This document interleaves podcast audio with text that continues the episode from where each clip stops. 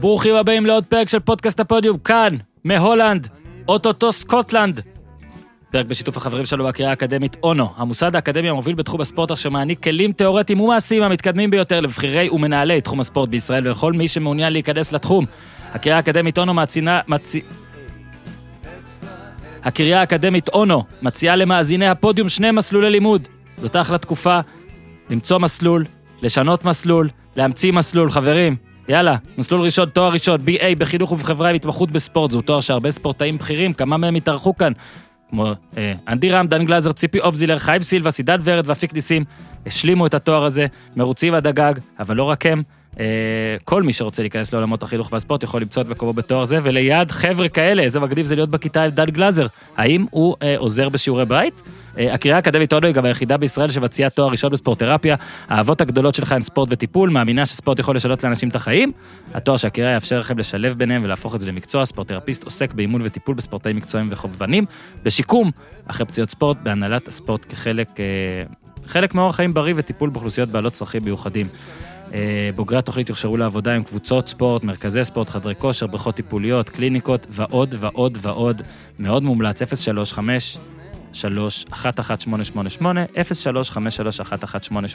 או באתר www.ono, O-N-O, www.ono.ac.il. איתי מבקש להזכיר לכם שעלה פרק עם ערן זהבי ביום ראשון, שהפרק הזה הוא גם משמעותי מאוד לקראת המשחק בסקוטלנד, למי שעושה חבילה כזאת. אה, איתי לא יזכיר, אבל אני אזכיר לכם שהיום, אה, בזמן שאנחנו מקליטים שישה באוקטובר, אה, יש להורים שלי יום נישואים, אז מזל טוב, אמא ואבא, מזל טוב. מזל טוב, אוהב אתכם, אה, לא התראינו הרבה זמן, אבל יאללה, לפרגן, אמא שלי התחילה להאזין לפודקאסט, אז אה, היא בטוח תשמע את זה. אז תנו לי להתחנף קצת כדי להרוויח אה, במינימום ארוחת צהריים כשאני חוזר. מה יש היום על הפרק? אורי וניר, עכשיו, על מה שהיה בכדורגל העולמי ולקראת ישראל-סקוטלנד, עם עוד קצת ספיחים של ענייני אה, לא מתאמנים בארץ, ובליגת המנותקים, ואול ג'ובס, וכל מיני דברים כאלה, ואחר כך, תסתכלו בתוכן בדיוק מתי אתם רוצים לדלג. רון עמיקם אה, בוחר את ההרכב שלו לקראת אה, סקוטלנד, וגם אה, בגלל שהמשחק הזה כזה חשוב, אה, מדרג את חמשת המשחקים הכי חשובים בתולדות נבחרת ישראל, עמיקה מוח כדורגל, איתי בטוח מחכה, אז יאללה, מהולנד, איתי, תן בראש. כן, אבל זה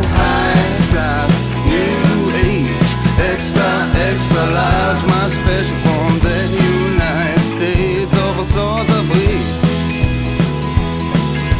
זה בור בלי תחתית, ניו, תל אביב, CPN, TLBC, כן, high אז אהלן אורי אוזן, אהלן. אהלן ניר צדוק, אהלן. מה העניינים? כולם, הכל טוב? לא, איך אתם? בלי אימונים? אורי, אתה רצת 20 קילומטר מתישהו נכון. שבוע. החלפתי קידומת אתמול, אבל אני אחזור ממחר ל-15. אתה יודע, תן... בוא, בוא, אני- נ... הצבתי מטרה, הגעתי, נחזור אין ל- שום שלב. אין שום שלב שאתה מרגיש שזה איבר בגוף, כאילו, שהוא טיפה לא. כזה... מרגיש, אה, זה לא, לא ריצה הכי פשוטה בעולם, גם זה לא מסלול בדיוק ישר, אבל... אה, לא יודע, ברגע שאתה... שמתי לי מטרה, ידעתי שאני אגיע, ב... תכננתי להגיע ביום... אתמול כאילו ל-20. הרגשתי ממש טוב, כמעט לכל אורך הריצה, רק הייתה בעיה שלא חישבתי כל כך את המרחק, אז הייתי צריך בסוף לעשות איזה עיקופון, אבל בסך הכל היה ממש כיף. בסדר, אתה יודע, גם אם תגיד שעשית 20 ורצת בעצם 18, ניר לא אה, יצייץ עליך בטוויטר. לא משנה, אני, אני ארגיש לא טוב, זה היה, זה היה חשוב, אתה יודע. הציוצים בטוויטר של ניר מצחיקים אותי, הם לא מניעים אותי לריצה. אה, אוקיי. דווקא שתדע, אורי, שאני חייב פה לפרגן לך... למה שלא ש- תלך אה, לרוץ בטבריה? אני שוקל. דרך אגב, התגלה לי היום שהיא גרה. לידי, מה אתה אומר? פחות מאלף מטר, בקק"ל. תיזהר. לא תיזהר, אני הולך להפגין לה ליד הבית. אה, אוקיי. חוצפנית. שמע, זה באמת. אני חושב שתשמע, זה חוצפה. איך לקח לכם דקה זה אחת? חוצפה, היא גם לא רק זה, היא העלתה פוסט לפני זה, תעשו רק במשפחה המצומצמת, מצולמת עם הבת שלה, פוסט מרגש. אתה יודע, באמת, כאילו, איבדו פה את הבושה לגמרי, זה מה שהיא עשתה פה, זה לא להשתין מהמקפצה, זה, אני לא יודע איך שמע, לקרוא אור- לזה. אה, אורן, אי אפשר בלי- בלי הדבר הזה, לפחות קצת. זה נכון. זה נוכח. אני לא אומר אין לא. מה לעשות. אז זהו, אבל יודע- סיימנו, מיצינו. אני זהו, הוצאנו.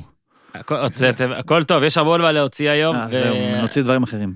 אני, לא, לא, אני אמרתי כבר שכל הזמן שאתם, אה, שמה שבאמת ב, בתקופה הנוכחית, וזה לא רק, ב, לא רק בחדשות בהכל, זה באמת, פעם הייתה הרגשה של, אה, כאילו שיש דוגמה אישית כזה, שזה בוא נגיד שתמיד אנשים חשובים עשו דברים, אבל כשהם נתפסו, אז הם שילמו.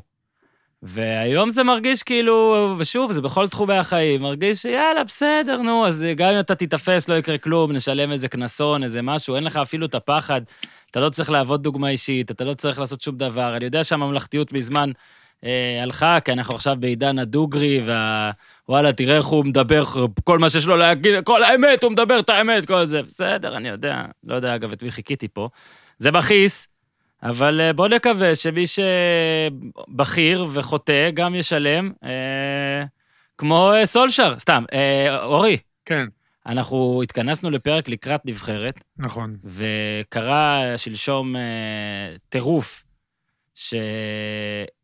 שבעצם גרם לי רק להגיד, אה, טוב, אנחנו נצרף את זה לפרק של הנבחרת, כי אני נהייתי פתאום אופטימי לגבי סקוטלנד, או בוא נגיד הרבה יותר אופטימי ממה שהייתי לפני כמה חודשים, וזה לא בגלל שאני חושב שהנבחרת שלנו השתפרה, או שחקנים אינדיבידואליים שלנו השתפרו, או שחקנים סקוטים נחלשו, בגלל שהכל מרגיש הרבה יותר מטורף בעולם, בכדורגל אני מתכוון, אה, ספציפית, בגלל זה אני אומר, וואלה, למה לא? ואז אה, הייתי במשחק של אה, PSV אה, נגד פורטונה סיטארד. משחק וגם אה, שם- משעמם, בלי שערים, מה זה זה? רק שני משעמם גולים. בלי ש- משעמם בלי שערים, אבל פורטונה סיטארד הייתה יותר טובה. נכון. והייתה צריכה במינימום לעשות תיקו, אולי אפילו לנצח. והתכתבתי קופחה קצת על ידי השופט, השופט. בוא, בוא, בוא כן, נאמר. וגם היה גם- אשקוף וזה, בוא נגיד שלפסוו גם היה ארבעה גולים שנפסלו במחצית אחת, זה על בנדי של האופסיידים. מכבי תל אביב, מכבי נתניה, שנה שעברה. כן, זה הכל היה באותה מחצית. לא בשתי מחציות? אני חושב שזה היה בשתי זה מחציות. היה בשתי מחציות, נכון, חושב שזה אבל היו. ארבעה שערים. ארבעה, אוקיי, אוקיי. לדעתי ארבעה שערים. כן, כן, כן, יכול אילון להיות. אלמוג היה, אם אתה זוכר. ו- ואז התכתבתי בקבוצה שנוכחים בה אה, כמה אה, מאמני כדורגל, אה, שחלקם אתה מכיר, אל תשאל כי לא אספר, והקטע שם שאמרתי, אה, הם אמרו, תראה מה זה, הגנות לא טובות, פה ושם וזה, ואז אמרתי, כן, אין לי גיבוי יותר גדול עדיין בנתונים, אין לי גיבוי ענק בנתונים, אבל זה מרגיש כאילו הרבה תוצאות מטורפות קורות בקורונה בלי קהל, כאילו. הרבה אה, גולים, קבוצות עם הגנות שלכאורה סבירות חוטפות, הרבה התפרקויות, ועוד לא סיימנו את המשחק של PSV, וברקע אה, טוטנאם השמידה את יונייטד, ואחרי זה אסטון וילה פתחה לליברפול את הצורה, אני מנסה להיות אה, פרובוקטיבי ולא מצליח, כי אלה שתי, שתי תוצאות שאני חושב ששנים קדימה בקושי נראה במר, ביחסי כוחות כאלה, וזה רק חיזק את מה שאני חושב. הכל יכול לקרות בסקוטלנד, הכל באמת אבל. ובוא רגע, לפני שנעבור ונתקדם לקראת המשחק של הנבחרת, קצת תספר מנקודת המבט שלך, אתה עוקב אה, הדוק, אה, ספציפית על שני משחקים אתה יכול אה, זה, ובכלל טירוף שהיה באירופה, ואז לצאת מזה ל... עד כמה זה... עד כמה זה בגלל שאין קהל. תשמע, אני מניח שיש קשר, כי אתה רואה פה דברים שלא ראינו ולא חשבנו שנראה ברמות כאלה, בטח, שבה, שאנחנו כל הזמן מדברים על זה, שהרמה בין הקבוצות הגדולות לקטנות, אה, הפער בין הקבוצות הגדולות לקטנות גדל ומתרחב, ופתאום אתה מגיע, טוטנאם לא קבוצה קטנה בשום צורה ואופן. ואולי את השש הזה אפשר להסביר, היה שם כרטיס אדום. אבל 7-2 אסטון וילה לליברפול, 5-2 לסטר בסיטי, אה, מול סיטי. אתה יודע, זה, זה דברים באמת שלא חשבנו שנראה. יש מין... אתה יודע, אנחנו כל הזמן מעודדים לכדורגל התקפי ופתוח, ואתה רואה שגם יותר ויותר מאמנים מאמצים את האג'נדה הזאת, בטח בפרמייר ליג, אפילו מוריניו הרבה יותר משוחרר. דרך אגב, חיפה הבקיע שער אחד יותר אה, מיונייטד, הכל. בסדר. אה, ובוודאי שיש לזה קשר ל- ל- לכל המצב. אני לא יודע אפילו לעניין של הקהל. שמע, ליברפול יש להם שני חולי קורונה, אה, שניהם חשובים, גם תיאגו, בעיקר סעדיו מנה, אולי שחקן ההתקפה שבכושר הכי טוב שם. ואתה יודע, וכל המצב הזה הוא מצב בעייתי, זה לא מצב בדיוק, מה זה בעייתי? זה מצב שמעולם לא התמודדו איתו, לא שחקנים, לא צוותים. אה, באיטליה בכלל, אתה יודע, מצד אחד יש את אטלנט, אטלנטה, שגם בעונה שעברה קבוצת התקפה חריגה, משחקת כדורגל, אני באמת ממליץ לכולם, אפילו תורידו ביוטיוב, זה כדורגל מעולם אחר, באמת, שלושה בלמים, מי שאמר שזה הגנתי, אתה יודע, מראה אה, גספריני שם איך... מה זה מי שזה אמר שזה הגנתי? מי שאמר שזה הגנתי אמר את זה שלושה בלמים של שרון מימר, נכון. של קובי רפואה. תגיד לי, זה לא עכשיו צודק, שאנחנו מדברים צודק. על אה, חדרה נגד נס ציונה, כן? נכון, ניר אוקיי, צודק. עכשיו ו- תמשיך. עכשיו, ניר צודק כן, במאת תודה, ניר. האחוזים. לא יודע, אטלנטה, תראה, השמות האלה. כן, אנחנו ניכנס אם תרצה טקטיקה בהמשך, אבל אה, בכל מקרה, אה, אתה, אני חושב שהעניין הזה ש... אתה יודע, אין קהל, זה באיזשהו מקום, אתה יודע, אני לא אגיד לך אווירה של אימון, כי אין פה אווירה של אימון, ראית משחקים מצוינים גם בליגת אלופות, אתה רואה משחקים מצוינים בליגה האנגלית, גם משחקים מותחים וצמודים, אבל זה כנראה, כנראה, כל המסביב קצת נותן יותר שחרור, גם למאמנים לשחק יותר פתוח, גם לקחת יותר סיכונים. אה, ואתה רואה את התוצאות, שמע, ממוצע שערים, גרמניה תמיד היה גבוה, אבל באנגליה זה משהו שהוא לא נורמלי. המקום היחיד שהכדורגל עשה אלמנט, אפקט הפוך זה בספרד, ליגה שבעבר היינו רגילים לקבל הרבה גולים, ופתאום יש לנו שני שערים בממוצע למשחק, ומשחקים יחסית, אה, נקרא לזה קצת אה, משמימים, אבל אה, זה באמת קשה להסביר מה שקורה פה מבחינת גם כמות השערים וגם התוצאות החריגות, זה תוצאות כן. חריגות. הכדורגל, דרך אגב, יכול להיות נפלא. שאם בספרד נפלא. זה פחות שערים, במקומות אחרים יותר, אז הרי לא הגיוני שמשהו ספציפית בגנום של הכדורגל הספרדי נפגע מהקורונה או איבד שערים בגלל הקורונה, ובליגות אחרות קיבל שערים. אז יכול להיות שיש פה כן סוג של ממד מסוים של אקראיות, לא? אני כי בטוח. כמו סטיית שבספרד, אה, כן, סטיית סטיית תקן. נכון, נכון, מסכים איתך. אני מסכים שיש פה בספרד סטיית אולי תקן. הסטיית תקן. לא, אני חושב שיש סטיית תקן באופן כללי, אתה יודע, ראינו גם את ה-8-2 המפורסם על ברצלונה, גם היה בלי קהל, בליגת האלופות. אתה רוצה את- את הטיעון שלי, אורי? כן. אני רק אוסיף פה שאני רואה פה אה, גרפיקה מהממת בכתבה בידיעות של קופר. אה, אז נגיד, שבעה משחקים, יותר משבעה שערים כבר, אוקיי? אה, אסטון וילה 7-2, ולצ'סטר יונייטד טוטנאם ו-6-1 לטוטנאם, כמו שאמרת, לסטר 5-2, ליברפול ניצחה את לידס 4-3, לידס ניצחה את פולאם 4-3, טוטנאם את סאוטמפטון 5-2, אברטון 5-2 את ברוביץ'. גוארדיולה חטף חמישייה לראשונה כמאמן, אחרי כן. 686 משחקים. אה, דרך אגב, אה, אתה יודע, אורן, אפרופו למה, קטעת אותי? לא, כי אני אגיד לך, גם גוארדיולה הוביל 1-0, וגם. יונייטד הובילה 1-0. זאת כן. אומרת, גם הובילו, וגם זאת קיבלה שישייה וזאת חמישייה. הרבה- כן. הרבה מאוד פנדלים. אם אתה מסתכל גם, פנדלים פי 2.6, ואסטון וילה בכלל זה שביעייה ראשונה אחרי 25 שנה. אה, העלו פה גם בידיעות את הארבעה מחזורים הראשונים, את הממוצע, אז זה באמת גם תמיד יכול להיות טיפה אקראיות, כי זה רק ארבעה, אבל אה, בארבע שנים האחרונות זה היה 2-7, 2-5, 2-9, 2-8, ועכשיו זה 3-8, זה חולה, זה כל משחק עוד גול. ואמרת את ה-8-2 וזה מצוין, כי זה עוזר לתזה שלי. אני פה שואב את מה שאמרנו, ניר, בפרק האחרון, על דברים ש... אה, שקל לנו לעשות ב- ב- מול דלתיים סגורות, נגיד לריב או להתפרק, אבל מול אנשים אתה מתבייש ולא רוצה לעשות, נראה לי קל יותר להתפרק במשחקים בלי קהל. אלה, כאילו, הבושה היא פחות. לא יודע אם זה הבושה כמו... העניין שיש אה, קהל לפעמים מקנ- גורם לך לעוד יותר להתכנס בתוך עצמך, וסוג אני של... לא יכול לתת ל-80 אלף אוהדים שלי בדיוק. עכשיו לראות אותי פה עושה את זה. אתה, ברור שיש לך מיליונים של אוהדים בטלוויזיה, במקרה של הקבוצות האלה, אבל כנראה זה מרוחק יותר. ואני שוב, אני מדבר על ההתפרקויות, ההתפרקויות מדהימות אותי. זאת אומרת, ליברפול יכולה להפסיד, אבל שביעייה, 67 שנה, אלופה, לא, ספ, לא ספגה שביעייה. תבין, כאילו, זה, זה לא סתם כל התוצאות האלה ביחד, וזה באמת, שוב, זה עדיין, אה, לא, אנחנו לא משחקים שלוש שנים בלי קהל, ונקווה שלא נשחק, כדי שממש יהיו לנו נתונים שנוכל להתבסס עליהם, ואולי גם בסוף דברים יתיישרו, כי שחקנים יתרגלו, או יבינו, או קלופ יגיד, תקשיבו, לא רואים אתכם באצטדיון, אבל רואים אתכם מיליונים בבית, ועדיין, כנראה זה זה, אני, אני- אורי, אתה תשמע, שיחקת נתונים- הרבה בלי אני- קהל? אתה יודע, שיחקתי במכבי פתח תקווה. בנבחרת אולי. אתה... היה פחות קל, הרבה פעמים. מעולה. אה, זה לא אותו דבר. אל תיעלבו, חלילה, מכבי פתח תקווה, מועדון אה, מה, אהוב. ואוהדים של הקבוצות מועדון אהוב שהוציא לחל"ת. אה? קבוצות ארוחות. לא, לא, תשמע, ברור ששחקנו בלי קהל, הרבה פעמים. לא, אבל זה לא, אני חושב ש... אה, לא, אני אגיד לך את זה הפוך. כשאתה לא משחק מול לא איצטדיון מלא, בדיוק. המתח הוא שונה לחלוטין. אתה יודע, השאלה היא איך ההתנהלות תוך כדי משחק, ופה, שוב, קשה לשפוט, כי לא היה לנו אינדיקציות באותה תקופה אה, לעניין הזה של הקהל, אבל אתה, אי אפשר גם לנטרל את ה, כל מה שקורה מסביב. אתה יודע, גם אנגליה, יש שם החמרות עכשיו, נכון, זה לא יגיע למצב שלנו, אבל אה, זה... אתה יודע, הספורט יישאר שם, ולא לא יהיה כמו פה, אבל עדיין יש החמרות. כן. הסיטואציה מאוד לא פשוטה, גם לשחקנים. אתה יודע, הנתונים מהמשחק של ליברפול הם נתונים כאילו, אתה יודע, זה הם נתונים מוטרפים, 70 אחוז החזקת כדור לליברפול, גם מעיד על מה שזה, מה שבדיוק על ה... על אה, כמה החזקת כדור, הנתון הזה, כל עוד הוא לא מפורק לאזורים ול... כן. אתה יודע, למ- למסירות 40% קדימה, ולמסירות קדימה. ולמסירות כן, קדימה זה לא הרשת רלוונטי. החזיקה את הכדור, בדיוק. בדיוק, אבל 18 בעיטות של אסטון וילה, 11 פעמים למסגרת, 7 שערים, 3 שער מושלם של ווטקינס, צד שני 8 בעיטות למסגרת, אתה יודע, כמעט 19 בעיטות למסגרת במשחק זה דבר כאילו לא נורמלי, כאילו בחיים רגילים, ו-19 בעיטות למסגרת 9 שערים. אתה יודע, אני בטוח שאם אליסון היה, דרך אגב, זה לא היה 7-2, היה שם באמת הצטברות של מקרים.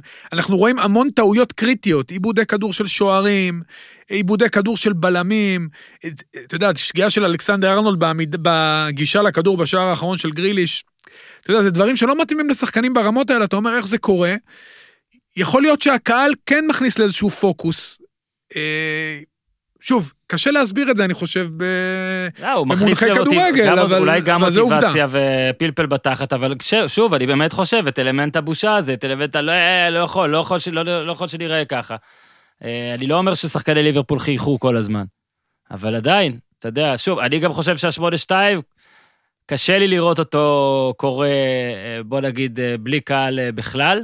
אה, שוב, אה, בשבע אחת של ברזיל גרמניה היה הרבה קהל, ואולי זה גם מה שגרם לזה, זה קצת אה, משהו הפוך, אבל שם לא היה, לא היו שם שני שחקנים חשובים, בוא נגיד, נכון. בברזיל. בעוד שאת ברצלונה היה קצת קשה ל... אתה לא, יודע, שוב. שמינייה. שמינייה, אנחנו רואים, כמו שציינת את המשבע האחת המפורסם, זה קרה גם עם קהל, אבל עכשיו זה קורה הרבה יותר. אני חושב ש...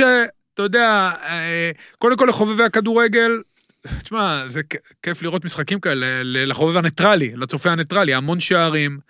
אתה יודע, באמת אה, כדורגל, גולים יפים, כדורגל נהדר, פתוח, רוב הקבוצות משחקות פתוח, אנחנו כמעט לא רואים בונקרים, או קבוצות שמעמיסות מאחורה, גם אלה שכן עושות העמסה מאחורה, יש להם איזושהי אופציה לצאת למתפרצות, אבל מה שאני כן, כן אה, חושב שכן יישאר אותו דבר, זה אפילו ירד, זה רמת הנבחרות. כי התיאום שם הוא הרבה, הרבה יותר קטן, ואתה תראה במשחקי הנבחרות הקרובים, לדעתי יהיו מעט מאוד שערים, היה את זה גם בטורניר ליגת האומות הקודם, יהיו פחות שערים, בטח מרמת הקבוצות. אני חושב שגם הקבוצות היום מתאמנות יותר.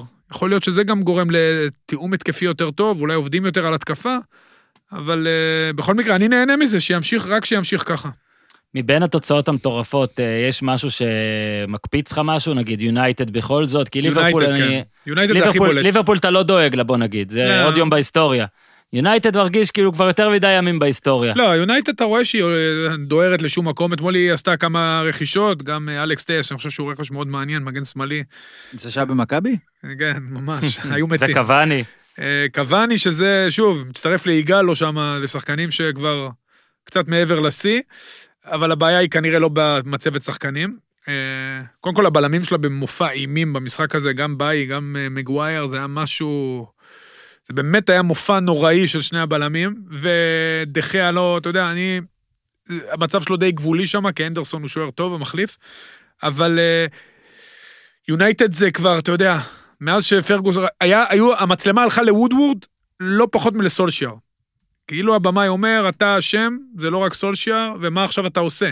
כי אתה רואה שהקבוצה הזאת בדרך לשום מקום, היא אמנם עשתה סיום עונה מצוין בעונה שעברה, אבל זה היה עמוק בגרבג', הצליחו להגיע ליגת אלופות, הרבה ברונו פרננדש, אבל אתה רואה שהשנה הם לא בכיוון, מאוד עצבניים, מדובר כבר על פוצ'טינו, אתה יודע, בדרך כלל באנגליה לוקחים את הזמן עם אה, חילופי מאמנים, אבל זה קורה. פוצ'טינו קרה לו את זה בעונה שעברה, עם, אה, שהזיזו אותו דניאל לוי והביא את מוריניו, אני חושב שזה, אתה יודע, זה עניין של זמן עד שסולשיאר לא ימשיך שם, אני לא רואה אותו מסיים את השנה.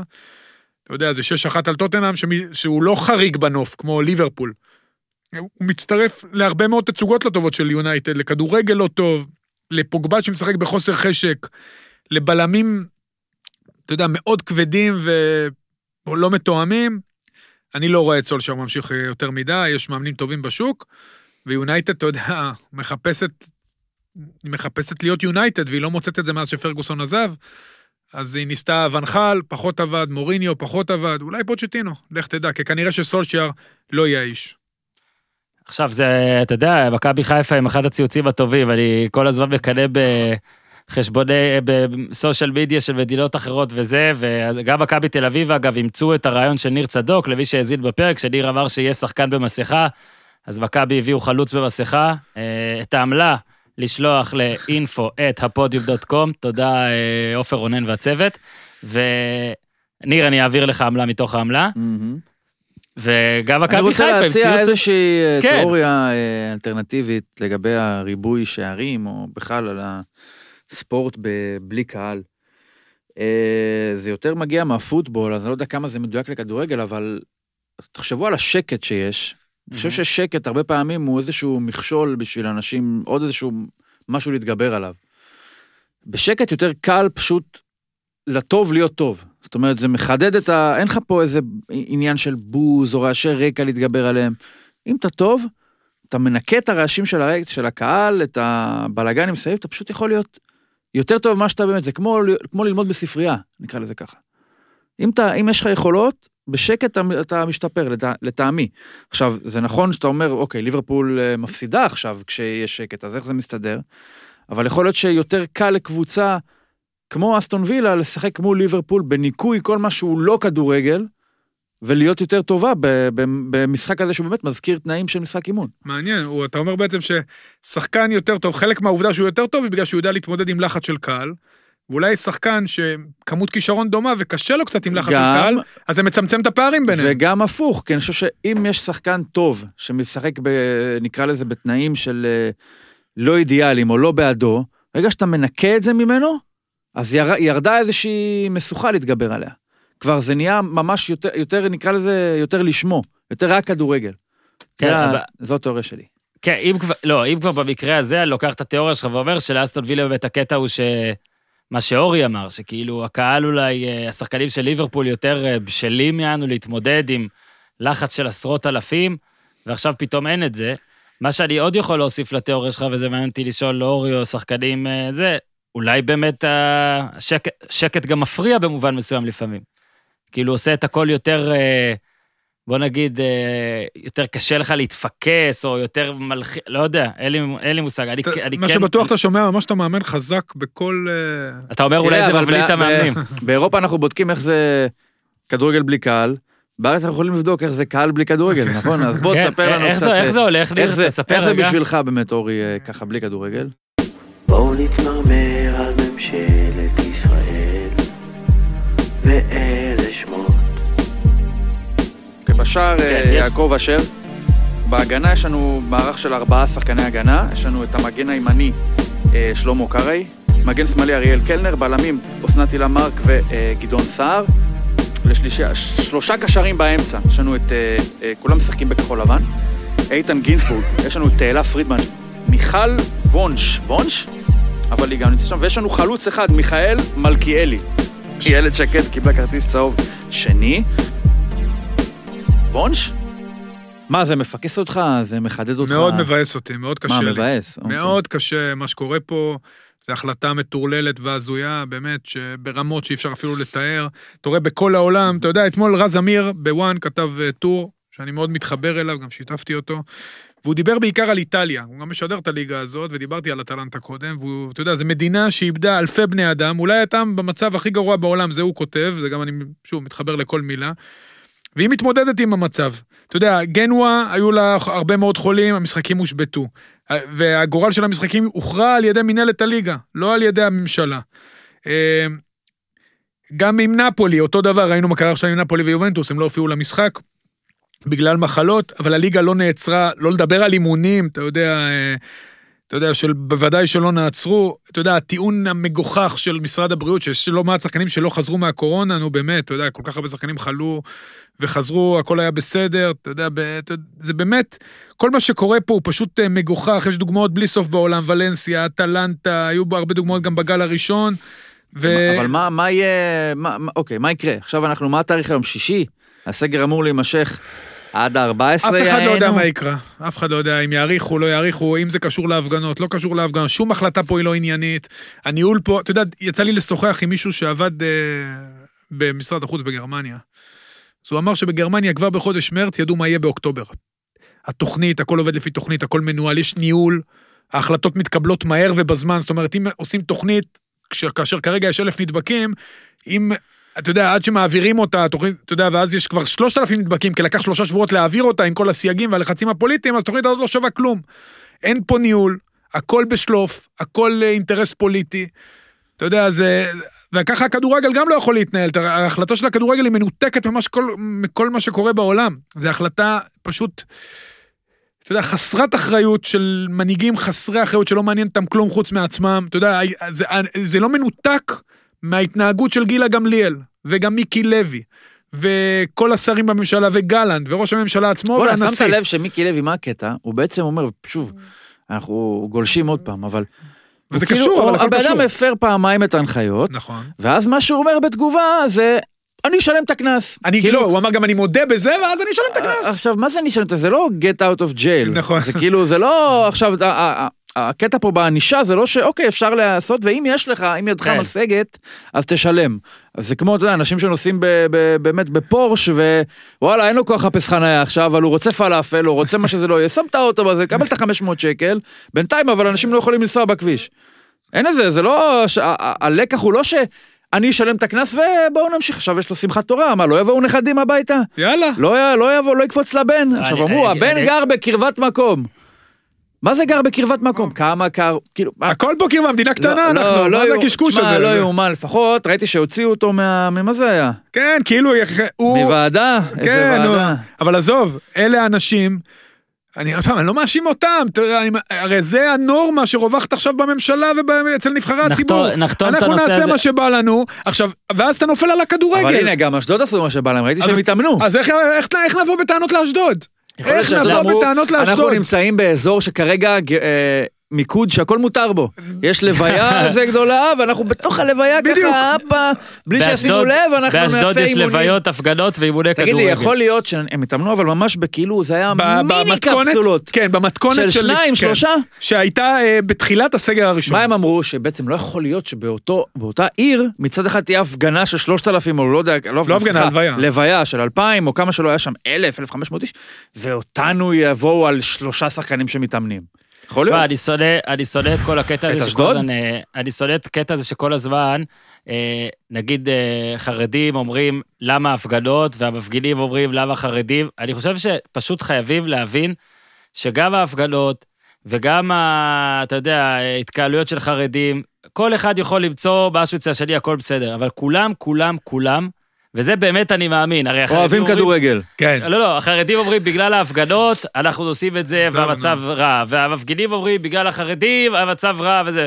בוא נגיד את האמת, שהאנשים שהכי הכי הכי הכי הכי גורמים לאנשים לא להקשיב לנהלים, זה אותם חברי כנסת נכון. ושרים, שהם כאילו נבחרי ציבור ואמורים באמת להיות, אין מה לעשות, הם מעלינו, הרי הם מייצגים, הם כאילו אמנם עובדים בשבילנו, אבל אלפים ומ- ועשרות אלפים בחרו בהם. הם נותנים את וברגע ההנחיות, אורן. ברגע ש... שנייה, שנייה, אורי. וברגע שהם עושים את הדבר הזה, זה הכי גורם לאנשים, ואין, אין, אי אפשר להתווכח עם זה. זה הכי גורם לאנשים לשים זין על הכל. תראה, איזה- וברגע, ובגלל זה אני אומר, ניר, אתה נתת את הדוגמה של הפורש והלשלם, בסופו של דבר, כשאיש כזה חוטא, הוא אמור לשלם יותר ממני, אוקיי? הוא הדוגמה, הוא הנבחר, אוקיי? לא יכול להיות שאני ומיקי לוי באותה הסירה. לא יכול להיות שגילה גמליאל ואני באותה הסירה. אם אורי יעשה משהו, סבבה, שישלם קנס. אז זה מסוכן להיות טוב. באותה סירה עם גילה גמליאל עכשיו. תכלס עכשיו זה משהו 80 אבל אחוז אה, שאני תשמע, לא רע. יכול להיות, לא יכול להיות שאתה יודע, תחשוב, מאמן כדורגל, בן אדם עושה תיקו עם חדרה, מפטרים אותו. ההיא שרה, משקרת לה בחקירה, מפרה את ההנחיות, אפילו בכלל היא לא, ש... זה אפילו לא על הפרק. אתה מבין? תראה איזה... כמה קנס ניר? למה אתה מדבר? למה אתה לא שתיקח את ביבי, אומר, הלוואי כל המנהלים של הקבוצות בארץ היו כמו ביבי. לא משנה מה אתה עושה, אין, אין פיטורים, הוא מאמין בה. כן, הוא מאמין בגילה. הוא אומר, כן. אני מאמין, טווח משרד איכות. הסביבה, תהליך. כן, זה לא הסתדר, בסדר, הייתה מעידה, הפסדנו לטבריה. בסדר, לא צריך לקרות, זה בגביע, אבל זה בחוץ. 150 קילומטר מהבית, זה יכול לקרות. כן, מה זה פי 15? מאוד מאוד פי משחק, 15. ניתן לה, אני מאמין בה. אני באמת פה פה אומר, זה מה עדיף, אשר אלון, ששולח את קורצקי, דבר, ואז שולח את. אה, ניסו ולחמן וגל כהן. כן. מה עדיף, צריך ניסנובים? יציבות. צריך יציבות. ג'קי בן זקן, הנה, יש פה בן אדם שיודע לנהל כמו שצריך, ו... אגב, כמה קנס, אה, אורי ניר, כמה קנס? 500, 500, לא? לא יודע, נערף. תגיד לי, לא, מה אבל? 500? עזוב קנס, על רגע, מה? היא לא היא לא הייתה אה, נשאית ו- ו- ו- והסתובבה, או מה הייתה? לא, לא, היא נדבקה. בבית כנסת. היא אמרה, אה, היא אני- כאילו, היא הפילה בהתחלה על הנהג, כן, להנאתה. כן, כן, אוקיי, אז- נגיד, הנהג, כמה- מה, הנהג היה קנס? חולה או שהוא לא היה חולה?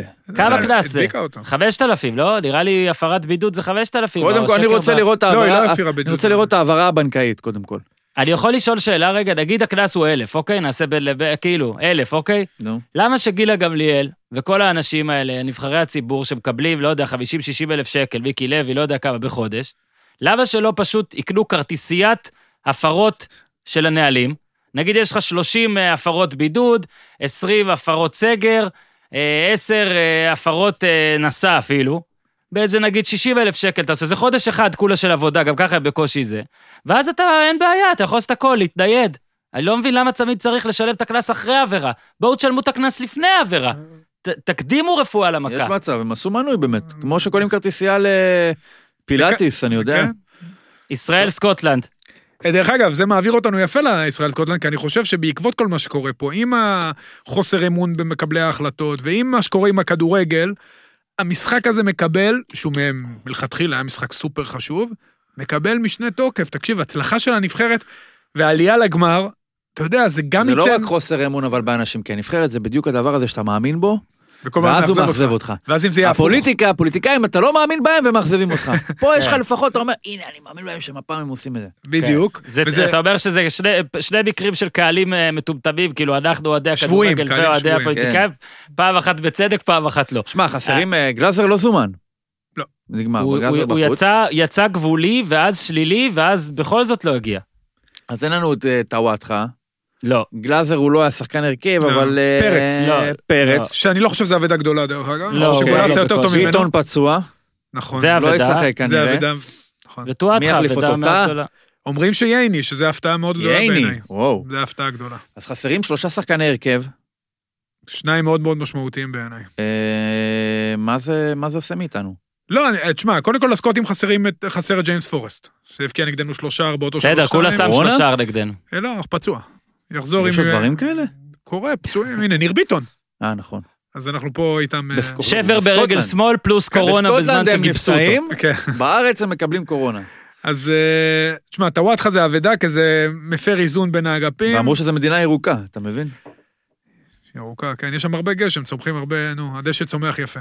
אה, שוב, נבחרת סקוטלנד היא נבחרת כפני מאמנה בעצם, היא מאוד אפורה. סטיב קלארק היה הרבה שנים עוזר, כמאמן ראשי פחות הצליח. אתה רואה אותו מתראיין, בוא נגיד ככה, האיש לא נוטף כריזמה.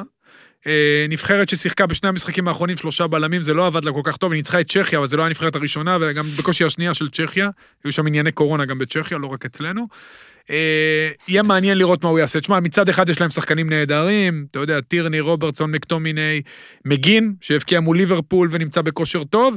מצד שני, אין להם שלושה בלמים כמונו, יש להם שני בלמים ששחקים בצ'מפיונשיפ, אה, ועוד אה, יש להם את ליאם קופר עכשיו שעלה ל... שמשחק בלידס יונייטד, שהוא יחסית הבלם, הב- הוא הלא יחסית, הוא הבלם הבכיר. שוער בינוני יחסית, וקבוצה מאוד לא מאוזנת שמשחקת כדורגל, אתה יודע, שמתבסס בעיקר על כוח ומצבים נייחים. אנחנו נצטרך, קודם כל, אנחנו ספגנו בכל משחק חוץ מהמשחק בלטביה, אנחנו קודם כל נצטרך לא לספוג ולהיות מרוכזים, בעיקר במצבים נייחים. הפועל באר שבע הוכיחה שזה אפשרי, גם אם המידות גוף הן יותר קטנות, וזה משהו שאני מניח שהנבחרת, שהתאמנה יותר זמן מהסקוטים, עבדה עליו הרבה, כי הולך להיות משחק מאוד מאוד פיזי, לשם הסקוטים הולכים להביא לו, להוביל אותו. יהיה מעניין לראות אם ישחקו שלושה בלמים או שניים. לטעמי, אני, אני מקווה שהם ישחקו שלושה, וכמובן, אנחנו תלויים בשלושת השחקנים הכי טובים שלנו, של שלושתם שחקני התקפה. זה סולומון, שיברח הרבה שמאלה, כי טוואטחה לא יהיה באגף, ואני מניח סן מנחם יצא פחות ממה שטוואטחה... סן מנחם יפתח? כך זה מסתמן. אז סולומון יצא הרבה שמאלה לאגף שהוא אוהב לעשות שם את האחד על אחד, והאגף ימין של הסקוטים הוא הרבה פחות טוב מאגף שמאל, ששם משחקים גם טירני וגם רוברטסון, וכמובן דאבור וזהבי, ושיתוף הפעולה ביניהם במהלך אחד יפה בסקוטלנד הביא לנו אה, את האחד אחד, אנחנו צריכים את זה יותר, אתה יודע, ואם... אה, אין, אני... הפערים הם לטובת הסקוטים מבחינת איכות השחקנים, אני חושב מבחינת איכות הנבחרת זה די 50-50 וזה גם מוכח במשחק הקודם. כאילו אני חשבתי שזה יהיה יותר לטובת הסקוטים, אבל במשחק הקודם ראיתי אותו, וראיתי איך קלארק מנהל את הנבחרת, זה, זה דווקא משחק לטובתנו. אני מאוד מקווה שנעשה את זה, ואם הנבחרת יעשו את זה, תקשיב, זה המשחק הכי חשוב מאז דנמרק, נכון? מאותו פיאסקו מהדהד, כן. שהסתיים גם בצורה... נר... הכי גרועה של הכדורגל הישראלי, לא רק התוצאות, אתה יודע, כל המסביב, כל האכזבה, כל... זה היה כאילו, הם עשו כולם גילה גמליאל שם, במה שקרה אז בעוד לפני 20 שנה, 21 שנה. אפשר לתקן, וניצחון של הנבחרת ועלייה לגמר, קודם כל ייתנו פה הרבה מאוד, הרבה מאוד, אה, יכול להיות שיקרבו את. פתיחת הליגה? אני בטוח שכן, לא, אמיתי עכשיו. בטוח שכן. אז מפסידים ו- בדוק. אני מאוד מתפלל, אוקיי, וגם אסקפיזם. גרוטו- גרוטו גרוטו לא יושב אשם, עם בוא לא חולצה של. סקוטלנד. לא, גרוטו בעד הכדורגל והוא הסכים, לא להאשים את הפקידים בבקשה. אסקפיזם, מקגרוטו. כן, גרוטו לא, לא, לא, גרוטו אני אומר לך. מה, חטפת לא טלפון. אורי? תעדכן אותנו לא, אם אתה חוטף לא. טלפון. הופה, מה קרה פה? מה? מה קרה? תספר לנו, לא, בוא'נה, יצאת? פירקת אותו שבוע גרוטו שעבר. לא אשם.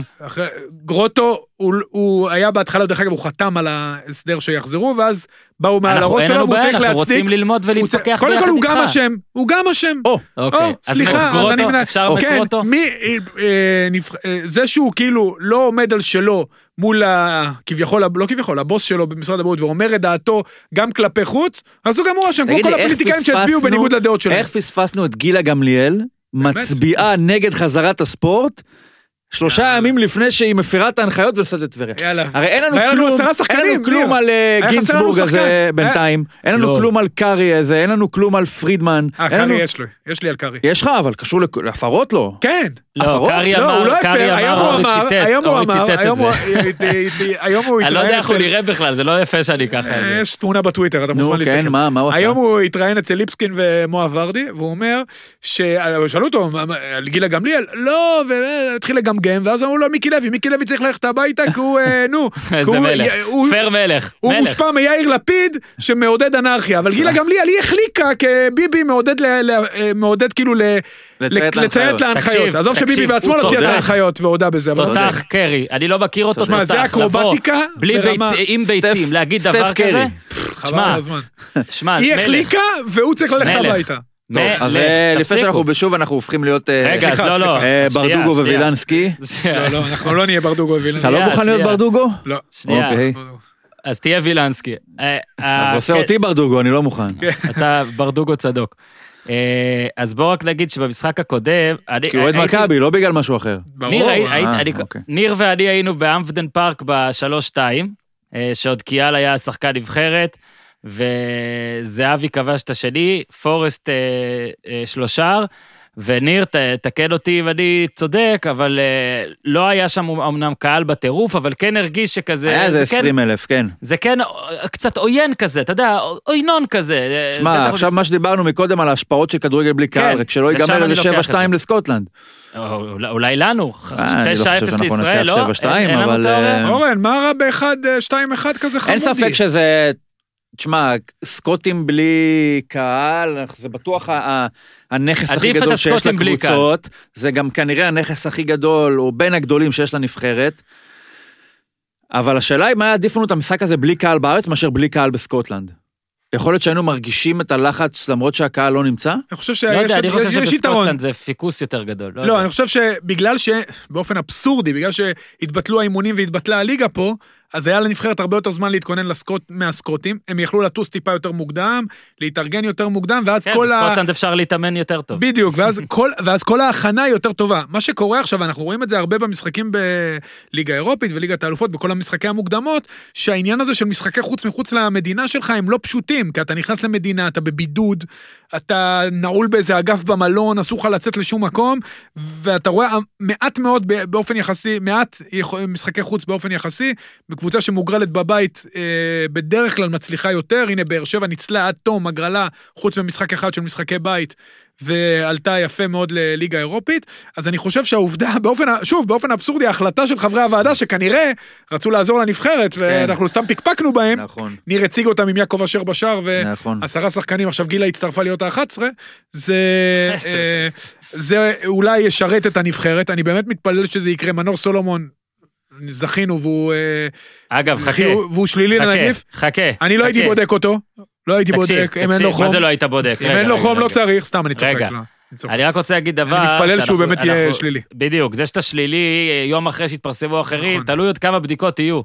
אה, אני מקווה מאוד שלא יהיו עוד בדיקות, אבל אם תהיה עוד בדיקה אז לך תדע, בלי קשר, אה, שחקנים בחו"ל הרי ממשיכים לשחק. נכון.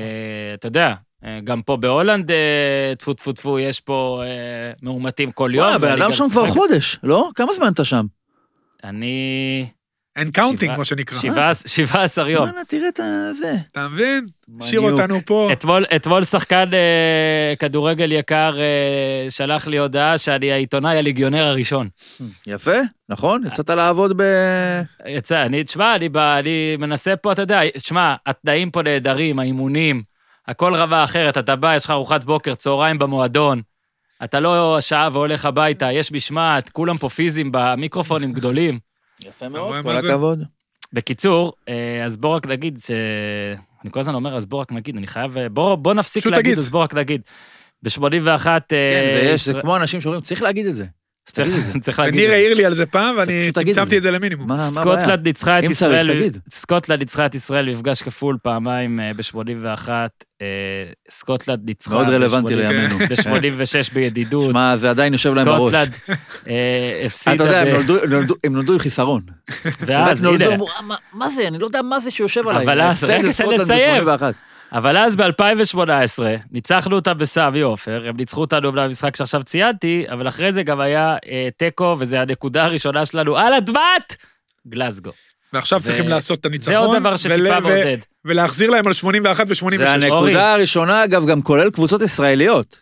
כן. כל הקבוצות הישראליות ששיחקו בסקוטלנד, וזה היה מול ריינג'רס, ומול סלטיק, ומול ריינג'רס. ומול סלטיק, ומול ריינג'רס ומול סלטיק. אבל את? מאדרוול כולם העפנו. הפסידו, את זה היה בארץ. אה, נכון, נכון. אורי, כן. אתה יודע מה הבעיה? אמרת... אה, הפועל, מגרשי- וביתר, וחיפה, נכון. וכולם הפסידו שם. אמרת. מגרשי חוץ, אמרת כן. משחקי חוץ, אורי, צריך להגיד, זה לא רק לטביה, כן? אני לוקח את כל משחקי החוץ, אז ב-2019 יוני ניצחנו את לטביה, באוקטובר 17 את ליכטנשטיין. כדי ללכת, נגיד, לניצחון, ה- אתה רוצה, תקרא לו משמעותי, כי באלבניה לא נזלזל, הם ניצחו אותנו פה 3-0 אחר כך גם, אז בנובמבר זה 2016... היה מול תשעה שחקנים. ניר, ניר, היית ב-3-0 של ישראל? לא. לא, אוקיי. זה ארבע שנים ללכת לניצחון סב- סביר בחוץ. ואם אתה תלך אה, אחורה עוד יותר, אז אתה יודע, זה צפון מקדוניה, אה, אה, אנדורה, הונדורס, הונדורס שוב, צפון אירלנד, סבבה, ואז לוקסמבורג, אזרבייג'אן, מלטה. שוב, זה משחק מאוד חשוב, סקוטלנד טובה יותר מכל הקבוצות, כנראה גם באלבניה, או ברמה של אלבניה, בוא נגיד, מכל אלה שתיארתי. וזה זה סימן לפסימיות, כי זה לא... ניר תמיד אוהב להגיד על דברים שהם כן סטיות תקן, ופה, פה, שמע, זה- אתה הולך פה באמת המון זמן אחורה. אני יכול להמשיך ועוד ועוד ועוד ועוד, ואולי אני, לא יודע, עד בולגריה או צרפת אני אצטרך לחזור. כן, אה, אבל- אבל אה, כמו שאמרנו, עד ים סוף. ואני אחזור עד- לתחילת הפרק. ים ים הקורונה- סוף אווי. אורן, אני אחזור לתחילת הפרק. הקורונה שיגעה את הכדורגל. מה שהכרנו לפני הקורונה, זה לא בדיוק אחרי הקורונה. לשחק בסקוטלנד, היינו צריכים, אמורים לשחק במרץ שם עם קהל, הסיכויים שלנו היו הרבה יותר נמוכים, ואז הגיעה הקורונה, שיגעה את העולם, ואנחנו משחקים שם באוקטובר, אה, בלי קהל. זה גם משמעותי מאוד. המאמן שלהם, שהוא די אפרורי, זה, שוב, לתחושתי, אני לא חלילה וחס מזלזל, והלוואי והייתה לי קריירה כמוהו, אבל יש תחושה שגם ברעיונות שלו וגם בדרך שבה הוא מתנהל, ש... אתה יודע, הוא לא סוחף את השחקנים אחריו. הוא היה עוזר מאמן הרבה מאוד שנים, כולל של אברהם ושל מאמנים גדולים, טופ טופ טופ בצ'לסי, אבל uh, משהו מהנבחרת שם לא דופק. ראינו את זה במשחק נגדנו ב... אברהם במשחק עזר לו או. שהוא עזר לנו הוא עזר עכשיו עם- לאברהם, איתו? הוא עזר לאברהם. אברהם לא, אבל אברהם עכשיו עוזר לו, אתה חושב, או שאברהם כזה. להפך? אברהם פטריוט ישראלי יקר. מה, אתה אומר שהוא התקשר אליו, אברהם, can you give me some details about What, the- what do you this need player?" details? You, you, you met those players one month ago. What do you need לא, אבל details? אולי יש לו איזה... ערן זהבי. מונס דבור, מנור סולומון closed them, and uh, אה, that's it. This is it. This is it, yes, in the offense. בכל. מקרה, בכל. מקרה, אני...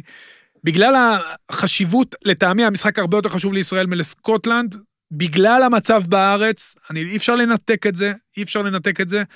למרות שהסקוטים מארחים את היורו, בעיניי, אצלנו פה הניצחון הוא הרבה יותר קריטי. אני, אני איך הוספת את זה בקטנה, למרות שהסקוטים מארחים את היורו? לא, בסדר, אז מארחים את היורו, הם לא יעברו את... תקשיב, אף לא אחד... יהיה יורו גם בכלל. אה, זה בוא נקווה שיהיה, אבל בוא, בוא נגיד ככה, שתי הנבחרות, סביר להניח, לא יעברו את נורבגיה אה, או סרביה. אז על מה אוקיי. אנחנו מדברים פה בכלל? על ארבעה ימים של שיכרון חושים. ארבעה? למה ארבעה? לנו. חודש? חודש, סליחה, למה ארבעה? כן, באמת? עד נובמבר, 12, לא? חודש של שיכרון חושים. מה, אתה לא רוצה וואו, דבר וואו. כזה? וואו, וואו. חודש של שיכרון אנשים חושים. יחגגו בבתים. חבר'ה, וואו. שחקני הנבחרת, רובכם משחקים בחו"ל, אבל ניצחון שלכם, באמת, היא חבל הצלה לכדורגל כמובן, הישראלי. כמובן, us be happy תעשו את. זה, חבר'ה, תעשו את זה. חודש שלם, תנו לנו לפנטז ולשמוח, ויחזירו את הליגה ואימונים, ויהיה פה, יהיה פה שמח. אני באמת מתפלל שזה יקרה. זה משחק הכי חשוב לטעמי של הכדורגל הישראלי, 50 שנה, הרבה יותר חשוב מדנמרק, ואני מקווה ברור, שהוא כי יסתיים. דנמרק כבר. הפסדנו. כן, ולפני 50 שנה ניצחנו את שפיגלר, לא אה, יכול יותר שפיגל חשוב לשפיגלר מדנמרק. וגול. כן. כי אוקיי. דנמרק, אם היינו מנצחים, או היינו עולים לזה, וזה היה הכי חשוב. אני קורא אתכם לסדר. לכן 50 שנה, יש לנו עוד, עוד מעט הדירוג של ה- בבית אביקה עם דירוג המשחקים. שנייה. אה, גיטלר מוסר, אה, מסר לנו כבר את הטבלה, 18, 15, 14, ניר 18. למי 18? או, לך, אני 15, אוזן 14, ניר צדק בשלוש המנצחות האירופיות, אני אה, בשתיים, ואוזן בזלצבורג אה, בלבד. אה, גיטלר אומר, אני מבקש, הוא כתב מאמין, אבל... בואנה, אוזן אמר שיהיה פנדל עם מכבי חיפה טוטנאם. היה קרוב, היה שבע. פנדלים. למה? היה פנדלים אבל. כן, נכון, פנדל? פנדלים ברבים היה אפילו. כן, הוא, אתה רוצה. הוא, מה- שלושה. אה, אז. צריך להמר על ה... הוא רוצה שנהמר על הנבחרת ועל אה, אה, סרביה, אה, נורבגיה. טוב, אז אה, נורבגיה, אה, סרביה, אני אאמר ש... איפה זה בכלל? ב... אורי? איפה זה? גיטלר, נורבגיה? למה אתה מכשי- מכשיל אותנו רגע, רגע? תתחיל בנבחרת, אני אגלה לך. בנבחרת. הנבחרת, 2-1 לישראל בהערכה. יואו, יואו, הוא עשה את זה, הוא לא סתם דיבר, בהערכה. הוא עשה את זה, וואו. אם זה וואו. 2-1 בהערכה, אני רוצה 7 נקודות. אה, אתה הלכת להערכה? קח- קח 50 נקודות, רק שנעבור כן, אותה. יאללה, קיבלתי. אני גם רציתי להגיד. המשחק בנורבגיה. בנורבגיה, אז נורבגיה 2-0. נורבגיה 2-1. 3-1 נורבגיה. אוקיי, וסקוטלנד, ישראל.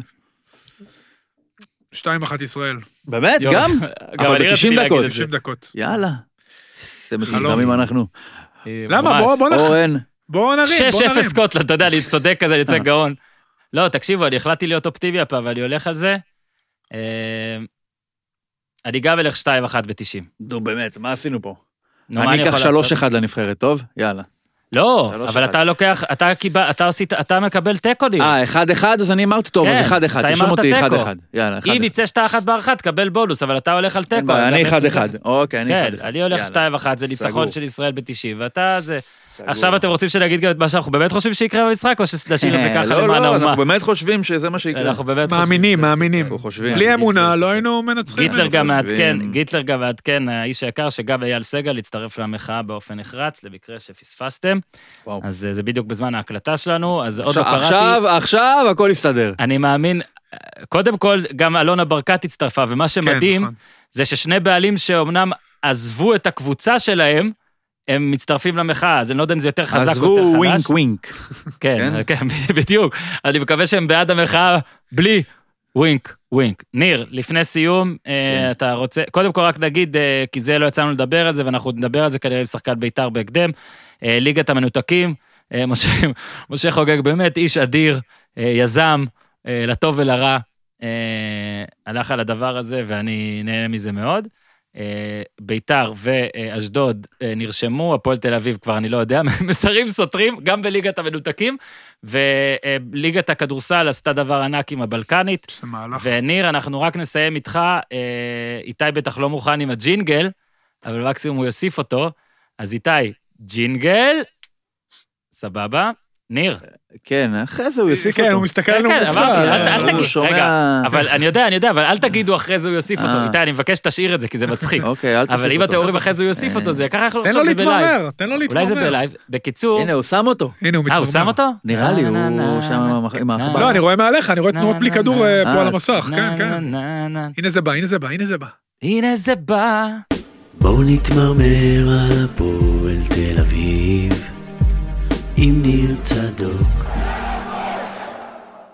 לפני שניר צדוק מתחיל לדבר, רק נגיד שפודקאסט הפודיום אה, מחפש ממורמר, מתמרמר חדש, אה, לפרטי שכר. אה, כן, ניר, מה? ראיתי שהמעסיק לא פירט. שמע, זה, זו פסגה חדשה. קודם כל, אני שמח של לראות שאנחנו מגייסים. זה לא... זה לא מובן מאליו בימינו, שבמועדון מחפש...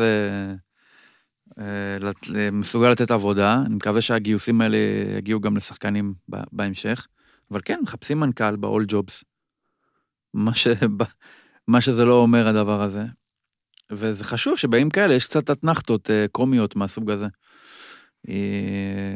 בשורות טובות הם לא, מסוג- הם לא מספקים, אז לפחות שייתנו חומר קצת ל... לצחוקים כאלה. מה אני אגיד לך? עכשיו רק אני יכול לנחש מה, מה, מה השכר הנלווה לעבודה הזאתי. עכשיו, אני לא מזלזל בסכומים, אבל דיברתי על זה קצת עם חברים, אז אני זרקתי לאוויר כזה סתם, אני יודע, 12? אז אמרו לי, מה פתאום אין מצב, פחות, זה בעצם מה שהם מוכרים פה זה את הטייטל. זה כאילו שבן אדם אחרי זה יוכל להגיד, אני הייתי מנכ"ל הפועל תל אביב, אה, אה, פותח כל מיני דלתות, איזה דלתות שזה לא יהיה, ובעצם אה, זה לא באמת אגב, יש לי כמה חברים, אני אמליץ להם. אה, ניר, אתה לא רשאי אה, להגיש בקשה לדבר הזה, אה, אני לא בטוח שמשתלם אה, לי, אבל... כן, אה, אבל אני גם לא מחפש ממורמר חדש, אז... אה, אז תשמע, אה, אני לא כך, אני לא חיפשתי עבודות ככה אף פעם, אבל אה, מה זה אומר ה-all jobs הזה? מה זה כאילו לא מכובד לפרסם הודעה כזאת ב-all jobs? לא, אני חושב שקודם כל זה מאוד, שום דבר לא לא מכובד, אני פשוט חושב שזה קצת מוזר, כי בדרך כלל, אתה יודע, בעסקים כאלה כמו הכדורגל, עסקים סגורים, ו... כן, אתה לא אתה הולך, יודע. ל- שולח לחמך, כן, כאילו זה... מחפש את הזה. אתה בוא נגיד אמור- ככה- כאיש עסקים אתה אמור להכיר את המיליה באמת, ואני אגיד, או, הנה זה, בדיוק עכשיו משה סיים ל- ל- לנהל חברת ביטוח, ונראה לנו שהוא כן, אה, או- יכול להתאים דבר בשביל לבנות את דבר- החזון שלנו. כן, או שזה דבר, אתה יודע, הדברים הם מאוד מבוקשים, נגיד מאמן ריאל מדריד. אתה כן. כאילו, אתה לא צריך לחפש דבר כזה לרוב, כי כאילו מלא רוצים. כן. לא, כאילו, יש עבודות שמלא רוצים, מסתבר אז נראה לי... שצריך פה. כן, בסדר גמור. אז זהו, זאת הייתה האתנחתה הקומית. תודה, ניר צדוק. בהצלחה. תודה, ניר צדוק. תודה. אה, תודה, אורי אוזן. תודה, אורן. אנחנו אה, בלי נדר, איתי- רק נגיד פה שיימינג, איתי עוד לא נתן לנו שעה לשישי, אבל אה, אה, ניפגש... קייס גאנם עובר בהשאלה להפועל חיפה, עכשיו אה, הוא יוכל לצאת לחל"ת כן, במקום אחר, כל הכבוד לו. הוא עובר לחל"ת. עכשיו הוא. יוכל לחתום בביטוח לאומי בחיפה ולא בביטוח לאומי בבאר שבע. איזה גאון. כל הכבוד לו. בהצלחה לקייס גאנם. אתה יודע מה יפה בניר צדוק? שאפילו אחרי אתנחתה קומית, אתה אה, נותן יש לו את אתנחתה קומית. אה, יש פעמיים, אתנחתה מאתנחתה. תודה רבה, ניר צדוק, תודה רבה, אורי אוזן. תודה. רבה. תודה רבה. אוטוטו רון עמיקם כבר מתקשר לדבר, לדרג את המשחקים הגדולים אה, בתולדות נבחרת ישראל, גם ננסה לבחור הרכב ביחד. אה, הפסקה קצרה רק לשתף אתכם בחבר'ה שלנו מביר בזאר. ביר בזאר מציב לשלוח בירות קראפט ישראליות לכל מקום בארץ, לא משנה איפה אתם גרים, ללא דמי משלוח, הפרימיום של הבירות. חומרי גלם איכותיים בלבד, בישול בתנאים הטובים ביותר, והם מציגים מארז חדש. אתם זוכרים שבעמוד המארזים יש את מארז הפודיום, תעשו טוב. בירות שאני בחרתי, אני מפרגן לביר בזאר על בירות שהם הרכיבו גם, אה? אה, שכחו אה, אותי אה, בבית, יש בו גם את חתול שמן שהיא הכי טובה, גם גלגר, חוברת צביעה, כוס שתייה, מאנץ' מלוח, פותחן, קיצור, מלא מלא דברים. גם על זה יש למאזיני הפודיום 10% הנחה באתר האדיר של ביר בזאר, ביר בזאר co.il, או חפשו אותו בגוגל, אתם בוחרים את המארז, אה, מק- מקישים הפודיום, לוחצים אזן, ומקבלים 10% הנחה בנוסף למשלוח חינם. אז יאללה, אה, ביר בזאר, אה, לשתות בכיף. אה, ואנחנו ממשיכים גם בפינתנו אה, תעשו טוב, אה, שמסתעפת, והפעם אני רוצה לתת במה אה, לדניאל בסיק, אה, התקווה האולימפית הבאה שלנו. אה, מה הייתם עושים בשביל עוד מדליית זהב לישראל? אז דניאל בסיק, בן 16, אלוף עולם עד גיל 17 בגלישת רוח. אם הוא ימשיך ככה, הוא עוד ישאיר את התקווה בפריז ב-2024. כדי שזה יקרה, דניאל צריך גלשן חדש, אימונים, נסיעות לתחרות בינלאומיות. לשם כך, הוא פתח קמפיין הדסטארט בשביל לגייס את הסכום הדרוש. אני תמיד אומר כמה זה מבאס שאין אצלנו את הדבר הזה באופן מובנה ושצריך לנסות לגייס, אבל אה, יאללה, ברוח התקופה, אה, אני מפציר. אם גם בא לכם להיות רשומים על מדליית הזהב הבאה של ישראל, כנסו ללינק ועזרו לדניאל בכל דרך שתוכלו, יש שם תשורות מדהימות, בין היתר שיעור גלישה עם גל פרידמן והרצאה של אריק זאבי, ואם אה, כאלה, בוא נגיד, אנשים שעשו דבר או שניים באולימפיאדות אה, נרתמים, אה, למה שלא אנחנו? אז קמפיין ההדסטארט, אתם יכולים להיכנס ל-headstartcoil/project. 57930, נשים את הלינק גם בטוויטר, headstart.co.il/project/57930. אפס. בהצלחה לדניאל, בהצלחה לכולם, יאללה בוא נביא מדליות זהב, בוא ננצח בסקוטלנד. אליך רון עמיקם! אהלן רון עמיקם שמסקר את נבחרת ישראל מאז... מה אני יודע, 30 ומשהו שנה. וואו, 30 ומשהו שנה. מאז ימי יוסלם ירמור. אוקיי, אז הנה, כן. אתה איש, אה, אתה תיתן לנו גם עדות הווה, גם עדות היסטורית. בוא רגע נתחיל מזה, כי אתה כן אה, הגעת גם למשימות דירוג, תיתן לנו עכשיו את ה... נקרא לזה ספוילר או טיזר, עד כמה חשוב המשחק הזה אה, בחמישי אה, בסקוטלנד מבחינתך? זה משחק חשוב, כי הוא משחק שבעצם, אה, משחק נוקאוט על השתתפות באירוע גדול, שאגב, נבחרת ישראל מעולם לא השתתפה בו. אז אה, כן, זה משחק חשוב, משחקי נוקאוט אה, שהם לא במסגרת בית, הם אה, קריטיים, הם בהחלט, אה, וכמובן ל- למפעל, אה, למפעל, חתיכת מפעל, אה, זה משהו שהוא אה, הופך את זה לחשוב. למרות שזה חצי גמר, ולמרות שזה בלי קהל, ולמרות שתאמין לי, אתה לא מרגיש את האייפ בכלל, כאילו, זה כאילו עובר לידינו, במצב הרוח הכללי הירוד בתקופת הסגר.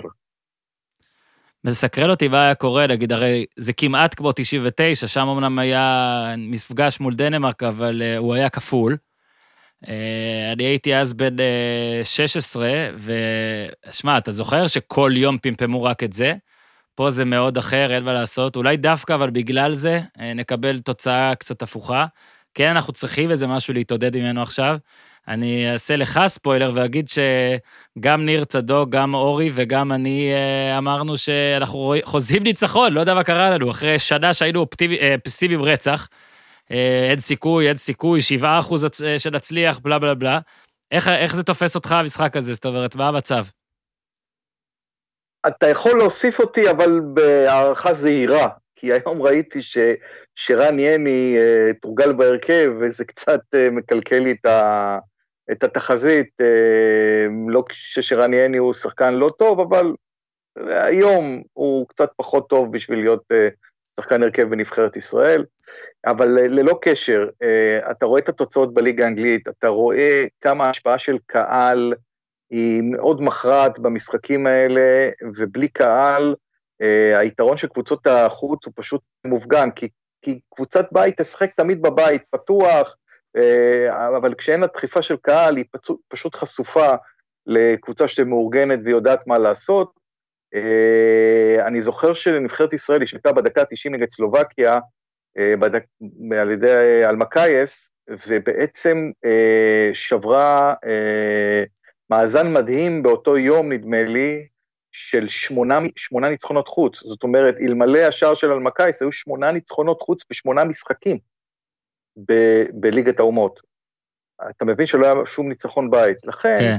פתאום הסיפור הזה שנראה בלתי אפשרי לפני חצי שנה, עם שני משחקי חוץ, זאת אומרת, זה צריך לעבור את סקוטלנד, ואחר כך אתה צריך לנסוע לנורבגיה או לסרביה, בוא נגיד נורבגיה, כן, כי זה אהלנד. ואז אתה אומר לעצמך, רגע, בלי קהל, הוא, מי יודע, באמת מי יודע, למה שאנחנו לא ננצח? כי הבעיה של נבחרת ישראל, אה, שהיא משחקי חוץ, אה, אתה יודע, לא, לא תבוא פה לידי ביטוי, והכי מצחיק, שבניצחונות הכי גדולים של נבחרת ישראל, יש בעיקר ניצחונות חוץ. כן, צריך לחזור פשוט המון המון אחורה. אה, עכשיו, בואו רגע לא, תן את ה... המון המון אחורה, אבל באמת ההישגים שלנו הכי גדולים היו בחוץ, לא בבית. אין, אין כמעט הישגי בית שאנחנו יכולים להתהדר בהם, אתה יודע, 5-0 על, על אוסטריה, שהוא, אתה יודע, משחק באמצע בית, אה, אתה יודע, המשחק השביעי. כן, אתה, אתה מדבר על ההפלות, אתה, אין העפלות גדולות. העפלות גדולות זה, או, או, או הישגים גדולים, הישגים, או, כן, העפלות הייתה... ניצחונות מכריעים, אתה יודע, גם, גם פארק דה פרנס היה בחוץ. אתה יודע, כן. אין לנו איצטדיון אה, אה, רמת גן. ראובן עטר באיצטדיון רמת גן, יש ראובן עטר בפארק דה פרנס. כמה, אה, בוא רגע נעשה, אמרת ייני, מה ההרכב שלך? לו אתה? תראה, מכיוון שהסיסטמה היא שלושה בלמים, אני, אני לא הייתי משחק עם שלושה בלמים, מכיוון שיש לנו שחקני כנף נהדרים, זאת אומרת, הייתי משחק בשיטה של רוג'ר שמיט, אבל אתה יודע, אני עכשיו משוחד, אז, אז הייתי משחק 4-2-4. שיטת, שיטת גיא לוזון, אגב, 4-2-2-2. ואז הייתי משחק עם דיה סבא ועם מנור סולומון, אבל, ו, ועם דבור ועם זהבי, וואי, איזה הרכב פצצה. אבל משחקים שלושה בלמים, הוא לא רוצה לשנות, אתה יודע, יש מעט אימונים, התרגלו, זאת שיטה שרצה. צריך קצת להפתיע את, ה, את, את הסקוטים, כבר, הם כבר נקעה נפשם, נפשם מלראות את ישראל, הם כבר מכירים את, את השחקנים ואת הסיסטמה, מעולם סקוטים לא הכירו ככה כלים. Mm-hmm. עכשיו, אם אתה משחק עם שלושה בלמים ואין לך בלמים, זאת אומרת, אני לא הייתי משחק עם שלושה בלמים מהסיבה הפשוטה שאין לי טלב טוואטחה, ואין טלב טוואטחה בגלל קורונה, זה בעצם מעקר את כל הסיפור הזה של שני שחקני כנף שמגינים, זאת אומרת שזה כן. ברכה בלתי רגילה, ואז אתה יודע, אתה משחק עם ז'ואל אבו חנה, או עכשיו ראיתי שסן מנחם אה, מתורגל, סן מנחם הוא לא לרמות האלה, והוא יסלח לי, כן? למרות שהוא כמעט, אה, הוא שיחק, בוא נאמר ככה, סן מנחם שיחק נגד טוטנאם בשבוע שעבר. כן. אבל, אבל זה, לא, זה, לא, זה לא מספיק טוב לשלושה בלמים. אני הייתי פותח עם שני בלמים, אבל זה לא יקרה, זאת אומרת, זה יהיה שלושה בלמים, ואז שלושת הבלמים צריכים להיות uh, המהירים ביותר שיש בסגל, נאמר uh, uh, אל-חמיד, uh, לואי טאה, אני אין לי מושג איך נראה ז'ואל אבו חנה, אבל הייתי אומרים בהחלט שסביר מאוד. אם הוא יכול להיות בלם זאת אומרת, שמאלי, אתה מושיב את טיבי. אני מושיב את טיבי, כי טיבי ויני התגלו כבר רק בשבוע שעבר כשחקנים שמאוד מאוד איטיים ל- לרמות האלה, והכי גרוע, אולי הכי גרוע מה, מהבחינה הזאת, הם מתקשים להוציא את הנבחרת קדימה, זאת אומרת, הם לא מספיק טכניים כדי להניע כדור, לא, לא לרוחב, לעומק. אומרת, לתת פס, כמו ששמעון גרשון היה נותן. ברגע, ששח... ברגע שהבלמים יכולים להוציא קבוצה קדימה, גם משחק המעבר הוא יותר מהיר, וגם הקבוצה, הקבוצה יוצאת מהלחץ שמפעילים עליה בשליש האחרון. כן, זה דווקא, בעיה זה דווקא היה גדולה. לייני, אבל uh, מסכים שבוא נגיד. בשבועיים האחרונים היה לו קשה יותר, אבל בסדר, זה גם היה קשה קצת לשפוט על פי משחקים של מכבי תל אביב בלי, בלי עשרה שחקנים. תתקדם לקישור. אה, קישור אה, ביברס נאטחו פותח, ולא בגלל שהוא הקשר האחורי הכי טוב בישראל, הוא בכלל לא משחק קשר אחורי, הוא עושה משחק מאחור. שני ה- שני ה-50-50, שאחד מהם הוא בעצם מנור סולומון, כאילו נותנים לו איזשהו אה, אה, הגנה אה, אה, או קישור אחורי קדמי כזה. אתה יודע, כמו שהיה פעם רצים בכדורגל כן. הישראלי, גדעון גרזן אמיתי אה. אהרון עמר. גרז, כן, אין, אין בירם קיאל, שאני מופתע אגב שהוא לא הוזמן, כי אם אריאל הרוש אין לו מסגרת, אז למה בירם קיאל לא יכול להיות? אבל הוא לא נמצא וזה חבל. אה, אני חושב שאת השחקן השלישי יהיה אייל גולסה, כי הוא, בוא נאמר, יכול לעשות את זה הכי טוב. אה, למרות שאני לא חושב שהוא בכושר משחק כזה מזהיר אה, מאז פתיחת העונה, וכמובן, זהבי ודבור, אה, זהבי ווייסמן, אה, אני הייתי פותח עם זהבי ודיה סבא, כן? כי הם פשוט אה, מתורגלים הכי טוב, אבל אני לא חושב שזאת תהיה הבחירה של רוטנשטיינר. לא, אני חושב שדבור וזהבי זה בנקרים גם, בקישור אני חושב שזה מה שאמרת זה מה שיהיה. בהגנה מעניין באמת, כי אבו חנה אמרו לי שהוא נראה סבבה. אה, ייני, היו לו כמה משחקי נבחרת, אני חושב שבסקוטלנד במיוחד, אם אתה זוכר, בשלוש-שתיים, היה שם איזה גול שקפץ מעליו או משהו כזה, כי היה לו כמה משחקים שהיו לו טיפה פחות טובים בסקוטלנד. אה, אני לא מתפלא על זה שהוא תמיד עדיין חוזר להיות המועדף, זה כל הסיבות שאולי אנשים שונאים, אבל מה לעשות. אה, עכשיו בוא רגע, בוא נפליג שנייה. רגע, אני... הערה אחת קטנה על העניין הזה. נו, אני בתפיסה שלי, כן, בתפיסה שלי אומר, נכון שליאני יש פור של 60 משחקים על פני ז'ואל אבו חנה, אבל מה היית מעדיף? שחקן גרמני שמשחק באוקראינה, או שחקן ישראלי שמשחק בישראל? אני אוהב את הזרים תמיד. אני לא ראיתי את אבו חנה כדי להגיד, אני רק אומר לך מה אומרים עליו. שחקן ישראלי שמשחק באוקראינה, זה לא מקסים גרצ'קין, זה שחקן גרמני שמשחק באוקראינה. כן, בוא, ז'ואל אבו חנה, תאמר את האמת, כן? יש לו פחות ביקורים בישראל מאשר לי יש ביקורים במסעדת שרה ביפו. הנה עשיתי לה פרסומת. יפה. אתה מבין? זה, אתה, אתה מבין? הוא מדבר, הוא מדבר עברית כמו שאני מדבר גרמנית. אוקיי, אז אביקה, בכל זאת, מבחינה אה, פה, אה, גם אה, היסטורית, חזרה אחורה, אני לא חושב שיש בישראל מישהו שאני יכול אה, לדבר איתו ביותר נינוחות על, אה, על דירוגים כאלה ואחרים. אה, נתבקשת לדרג את חמשת המשחקים הכי חשובים של אה, נבחרת ישראל בתולדותיה. אה, הדירוג הוא שלך, זה החלטות שלך, אז אתה לא צריך אה, להתבייש או לחשוש. אנחנו רק כן רוצים, לפני זה, שנסביר למה בכלל התבקשת. בעיניי זה אחד המשחקים הגדולים של נבחרת ישראל. איפה אתה מדרג אותו, את המשחק בסקוטלנד, ואז נתקדם לחמישייה שלך. אני חושב שאת המשחק בסקוטלנד הייתי מדרג במקומות 6 עד 8 כזה, כי במידה מסוימת מדובר בחצי חצי גמר אה, פלייאוף, כי גם אם ננצח את סקוטלנד אנחנו לא ביורו.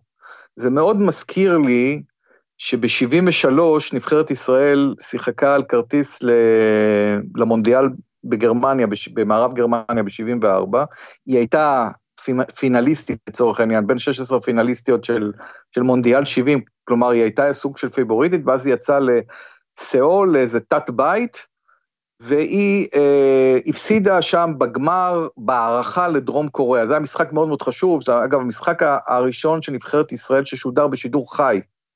אוקיי? אי פעם. ו, אה, וגם אם היינו מנצחים את הקוריאנים, היינו צריכים לשחק מול אוסטרליה, שניצחה את איראן בתת בית של, אה, שלה, ו- ואוסטרליה היא זאתי, אגב, שהגיעה בסופו של דבר למונדיאל בגרמניה. אז זה מאוד מאוד מזכיר את המשחק הזה, אה, שם היה כמובן יותר הייפ, כי, כי הכדורגל היה יותר פופולרי, לא היה סגר, וכמובן שהיה קהל, אבל זה היה בסיאול. אה, זה, זה, זה בערך ב, ב, בסדר גודל הזה. כמובן שיש כל מיני משחקים, אתה יודע, בתוך כל הדירוג הזה, אם אתה שואל אותי מה המשחק הכי חשוב של נבחרת ישראל אי פעם מבחינת האייפ שלו, זה המשחק נגד ברית המועצות ב-56, שהגיעו 70 אלף איש, זאת אומרת, נכנסו, ש... על פי האגדות, נכנסו כן. 70 אלף איש לצפות כאן. אמ, כי זה היה משחק שהיה, אתה יודע, כאילו, אבל לא היה שום סיכוי, אז הוא לא נכנס פה אפילו לחמישייה. אה, נבחרת ישראל הפסידה אז במשחק הראשון במוסקבה 5-0, היא הייתה צריכה 6-0 כדי, ל... לא, אתה יודע מה, היא הייתה צריכה לנצח כדי לכפות משחק שלישי, אז לא היה אגרגייט, אבל, כן. אה, אבל הוא לא נכנס לחמישייה, למרות שאם אתה שואל אותי, זה המשחק שסביבו היה הכי הרבה רעש אי פעם של נבחרת ישראל.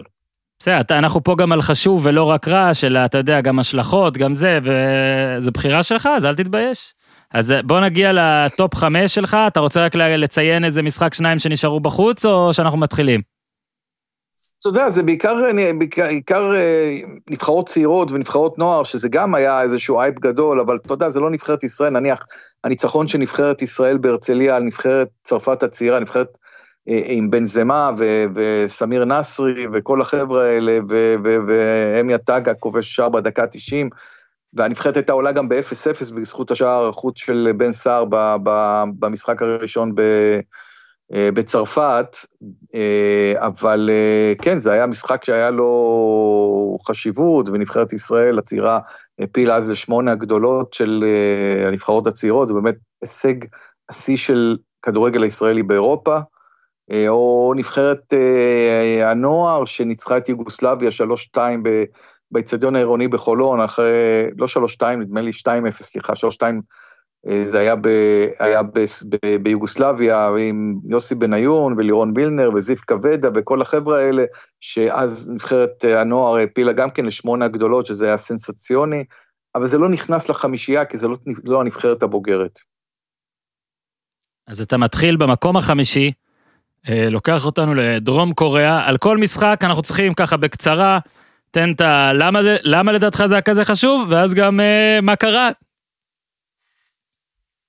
אני יכול להגיד שדרום קוריאה זה ההישג האמ- האמיתי האחרון של נבחרת ישראל, וזה היה ב-1976, כמה זמן זה, כמה זמן עבר מאז, מכיוון שזה היה ניצחון חוץ בסיאול. הנבחרת שהייתה עדיפה מאיתנו וגם ניצחה אותנו כמה פעמים קודם לכן. אה, וזה היה בעצם ניצחון שיצר מצב שבו ישראל העפילה תכלס לאולימפיאדת מונטרול, שזה גם האירוע האחרון הגדול שבו היא השתתפה. אז, אה, אבל למה זה במקום החמישי? אה, כי זה לא אירופה וזה לא, וזה אולימפיאדה, ובמידה מסוימת, אתה יודע, הפערים לא היו כאלה גדולים, למרות שזה היה, אה, הניצחון הוא מזהיר, אני חושב שכבר אה, סיפרתי על זה באיזה פוד, אה, פודיום קודם, אה, הסיפור הגדול על אה, דוביץ' שווייצר, אה, שהגיע, אז, אז אה, נבחרת יפן סירבה לארח את, אה, את ישראל ב, אה, ביפן, כנראה בגלל אה, אה, בעיות ביטחוניות, ואז היא אירחה את ישראל בסיאול, כלומר שבוע לפני המשחק של ישראל מול דרום כן. קוריאה, ודוביץ' שווייצר הגיע עם איזה אה, תוכנית אה, משחק אה, גאונית, שבעצם היא הייתה פסיכולוגית. הוא החליט שהוא ישגע את, ה, את, ה, אה, את הקוריאנים, ובעצם תרגל, אה, הביא בכלל לס, עם הסגל את אהוד בן טובים, החלוץ של בני יהודה, שהיה בחור מאוד מאוד גבוה, ולקוריאנים הקטנים זה היה בעייתי. אז הוא, הוא בעצם אה, תרגל לקראת יפן את, ה- אה, כאילו הרכב אה, שהקוריאנים יצפו בו, כי זה, זה אצלם בבית. והם באמת עקבו בעניין אחרי ההכנות של נבחרת ישראל לקראת המשחק כנגד יפן, הוא מתרגל את אהוד בן טובים לכל אורך השבוע, ואז באימון האחרון אומר לו, תיפול, תעשה את. עצמך פצוע. ולכן בן טובים לא עולה למשחק נגד יפן, אבל הפציעה שלו היא כאילו קלה, והקוריאנים אומרים, וואלה, בן טובים הזה, ואת ישראל מנצחת את יפן, ואומרים, אם הבן טובים הזה, אה, אה, ישראל תהיה ממש אה, אדירה, ואז הם מחליטים להזיק מהבית חלוץ גבוה, מטר תשעים, שהיה לו קרע בצולבת. זאת אומרת, הוא הגיע לאימונים של נבחרת דרום קוריאה עם תחבושת ענקית על הברך, ושם תפקדו אותו כבלם. בכלל לא היה בלם, הוא היה חלוץ. ואז הם, בן טובין כמובן מתורגל כל השבוע בנבחרת ישראל, ושוב, הוא לא עולה בהרכב נגד דרום קוריאה, הם עולים עם הבלם חלוץ עם הצולבת, ונבחרת ישראל משחק בכלל עם שני חלוצים, עם חלוץ נסוג בשם מוישיק שווייצר, שתוך תשע דקות כובש שער ראשון, אחר כך גידי דמתי מוסיף שני שערים, ישראל מנצחת 3-1, עוד יש גול של יצחק שום בדקות הסיום, בבעיטת עונשין, שהשופט פוסל, שופט מסינגפור בשם דילון, אז ניגש אליו שום ואומר לו, למה אתה פוסל לי את הגול? הוא אומר 3-1, 4-1, מה זה משנה, ניצחתם. אתה מבין, אז אנחנו מתקדמים עכשיו, ואני גם אתן, ננסה לתת פה זה. הנה, זה ההוכחה שאולי באמת רוטנשטיין יכול לשלוף שפנים מכובעים, גם במשחקים חשובים. מקום רביעי של עמיקם. המקום הרביעי זה המשחק נגד דנמרק. כי זה בכל זאת אה, פלייאוף יורו אמיתי, זאת אומרת, בערך כמו זה, אם כי גם שם היו שני משחקים בית חוץ, אבל נגד אותה אה, כן. יריבה, כלומר ניצחון על דנמרק במשחק הראשון ברמת גן, בוודאי שלא היה אה, אה, מספיק לנו כדי לעלות, כי היינו צריכים אה, לנצח בסיכומם של שני משחקים. קצת מזכיר את זה של היום, אבל אתה יודע, שם זה היה ממש על כרטיס ליורו, יורו 2000, אה, אחרי שנבחרת ישראל משאירה בחוץ את אוסטריה בזכות ניצחון 5-0 ו-1-1 בווינה, וגם בזכות אה, ניצחון של אוסטריה על קפריסין, שמנע מאיתנו בושות במחזור האחרון של הבתים. והמשחק נגד דנמרק, זה כאילו היה נראה, אם ניצחנו את אוסטריה, כמה זה היה? חמישה חודשים קודם, אנחנו יכולים לנצח את דנמרק. אה, היה מה שהיה, וזה התגלה רק בדיעבד, כמה ימים אחר כך, פרשת נערות הליווי, אבל אה, נבחרת ישראל פשוט לא הגיעה למשחק הזה, דודו עוואט פתח. בשער. אה, אה, הנבחרת הייתה זכוכה, במידה מסוימת קצת זלזלה, תוך כמה דקות אה, היה 2-0. אה, טל תומאסון. הסיפור הזה, הסיפור של דנמרק מוכר, זה היה, זה היה אבל משחק שהיה לו, אתה יודע, תקוות אדירות. המשחק האחרון הגדול של נבחרת ישראל במגרש ביתי, כן, אפשר לקרוא כן. לזה ככה. גם במגרש חוץ עד עכשיו, מה? איזה מגרש, איזה משחק אתה תיתן? זה כלל ביצוע תקווה מצמרר של יבגני פוצ'יבלוב, או איך שקראו לו. פוצ'יפלו. שפ... אוקיי, אנחנו חוזרים לאסיה. מקום שלישי. תראה, אה, אה, במקום השלישי נמצא המשחק במחזור השלישי, כן, בבית הגמר של אליפות אסיה שנערך באצטדיון רמת גן, משחק מול דרום קוריאה. עכשיו, למה זה פה נמצא? כי בינינו ובין עצמנו, ההעפלה למונדיאל או לאולימפיאדה לא שווה אה, לשחייה בגביע יבשתי. כלומר, זה היה, עמד באצטדיון רמת גן, גביע אסיה.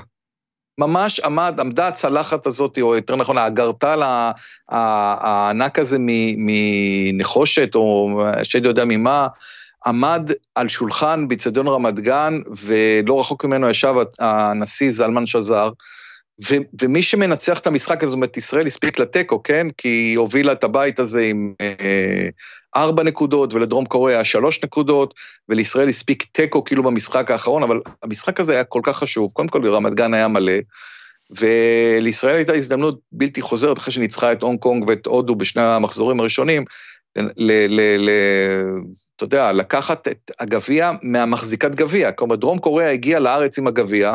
אגב, אה, הסתובבה אה, עם הגביע בפסאז'ות בתל אביב, שהיה אז אה, פסאז' חדש, ו... ו- ומסעדת קליפורניה של אייבי נתן, וקסית וכולי, והם, אה, אה, אה, כשהם יצאו לאימונים, היה איש משק שנשאר בחדר עם הגביע לשמור עליו, לעשות לו בייביסיטר, אמיתי. והגביע הזה, הם הביאו אותו לשולחן זה, והפסידו אותו. שערים של מוצי ליאון, בעיטה ברגל ימין מ-30 מטר, הוא היה בכלל שמאלי, וגדעון טיש בבעיטת, אה, בבעיטה חופשית, העניקו נבחרת ישראל ניצחון 2-0, או סליחה, 2-1 לדעתי ניצחנו, אה, וזכייה בגביע אסיה. אה, בעיניי מדובר במשחק סופר חשוב של נבחרת ישראל. ואנחנו פה סיימנו, טוב, עכשיו אנחנו עוברים לחדשות פחות... אה, טוב, בסדר, יאללה, בוא נתקדם ככה. מקום שני, אה, לא משמח. לא משמח, כן, המשחק נגד קולומביה ב-31 באוקטובר 89, הנה אני זוכר, 30 באוקטובר 89, אני זוכר את התאריך אה, בעל פה. תשמע, כל הסיפור של קולומביה זה סיפור של חודשים. אחרי התיקו של ישראל בס- ב- בסידני עם הגול המדהים של אלי אוחנה, שזה די מזכיר את ה-5-0 אה, על אוסטריה, שהיה איזה פער של כמה חודשים לקראת הדבר האמיתי, שקצת אה, החליש את הנבחרת, אה, היה סיפור של קולומביה. קודם כל, קולומביה הייתה צריכה להפיל. עכשיו, היא הפילה מבית עם פרגוואי, נדמה לי, הפתיעה והפילה מבית עם, שהייתה בו פרגוואי. בתקופה ההיא קולומביה הייתה נעלמת, כי, כי הכדורגל הדרום-אמריקאי היה בכלל ידוע, בעיקר ידוע מברזיל, ארגנטינה ולפעמים אורוגוואי, לא בתקופה ההיא. ופתאום קולומביה הגיחה ל... אה, לעניינים, היא לא שיחקה במונדיאל לדעתי מ-62, פתאום זה היה כזה סוג של איזשהו סיכוי, לא שהכרנו את, ה... את הקולומביאנים עם המאמן שלהם, אה, דוקטור מטורנה, עם, עם שחקנים שלא שמענו עליהם בחיים, אלוורז ואסקובר, זיכרונו לברכה, ו... והשוער המשוגע גיטה, וקרלוס ולדרמה כמובן, ובכלל מישהו הכיר את אלברו סוריאגה. אבל אז הגיע המשחק בברנקיה, שהוא בעיניי משחק אפילו יותר חשוב מהמשחק הגומלין שהיה ברמת גן, המשחק הגומלין שהיה ברמת גן, היו בו 55 אלף איש, אבל תכף נגיע אליו. בברנקיה יש סיפור מאוד מדהים, אה, זה היה מקום, אה, ברנקיה נמצאת ממש קרוב לקו המשווה, 36 מעלות, 90 אחוזי לחות. אני זוכר שסיפרו לי שחקנים שהם יצאו לחימום, עשו חימום של חצי שעה, ובסוף החימום הם היו מותשים, כאילו, זהו, לא היה להם כוח לשחק. לעומת זאת, הקולומביאנים בכלל לא יצאו לחימום. היה להם אולם ממוזג מתחת לעצים, ש... עם, עם אה, דשא סינתטי, שפשוט שם אה, העבירו פסים. והם עלו לחימום מהמיזוג, הם עלו למשחק מהמיזוג, הם בכלל לא עשו חימום. כלומר, לא היה, זה היה מגרש אה, של נבחרת אחת בחימום, כשהקהל, 60 אלף איש נדמה לי, היה שם מהשעה 10 בבוקר, זאת אומרת, הוא לא זז מהמקום, בחום ובלחות, חיכה שם הקהל. זאת אומרת, השחקנים היו במלון, קמו משנת הצהריים שלהם, אה, שתו קפה ועוגה לפני שיוצאים למגרש, הם פותחים טלוויזיה באיצטדיון מפוצץ. הם כן. בכלל במלון. ואז היה את המשחק מדהים, הזה שבו מדהים. בוני גינזבורג נתן הצגה אדירה, כולל עדיפה מופלאה מביתה של רדין מ-20 מטר שהלכה לחיבורים. וממש בדקות האחרונות הצליח אוסוריאגה לברוח מיהודה עמר ולקבוע 1-0, ואז הגיע משחק ברמת גן, שבו אם אתה עושה 1-0 אתה מגיע להערכה, אם אתה עושה 2-0 אתה עולה, 2-1 הקולומביאנים עולים, אתה יודע, שיטת כן, כן. גביע אירופה, והמשחק, בוא נאמר ככה, הוא נגמר 0-0, נבחרת ישראל הייתה מסוכנת, אבל לא מספיק מסוכנת. המצב הכי טוב במשחק דווקא היה של אוסוריאגה שבעט לקורה. היו לנו כמה החמצות באמת אדירות. הנבחרת אגב שיחקה לא רע, למרות שהיא פתחה בלי אלי אוחנה שהיה פצוע, ומה שגרר לביקורת מאוד גדולה של אוחנה על, על uh, שנאור וגרונמן שהיו מאמנים. Uh, הנבחרת לא הייתה מספיק התקפית, uh, אתה יודע, אפשר בכלל יכולים להגיד על כל הקמפיין הזה, שהיו בשישה משחקים שבו הנבחרת ניצחה רק את המשחק הראשון נגד ניו זילנד, ובכל חמשת המשחקים האחרים היא לא ניצחה. אה, ועדיין הייתה רחוקה.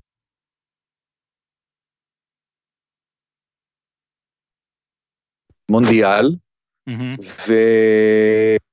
ואני זוכר בעיקר את הדקות האחרונות, את השדרים הקולומביאנים אה, צועקים אה, בקולי קולות, ויה ונטו,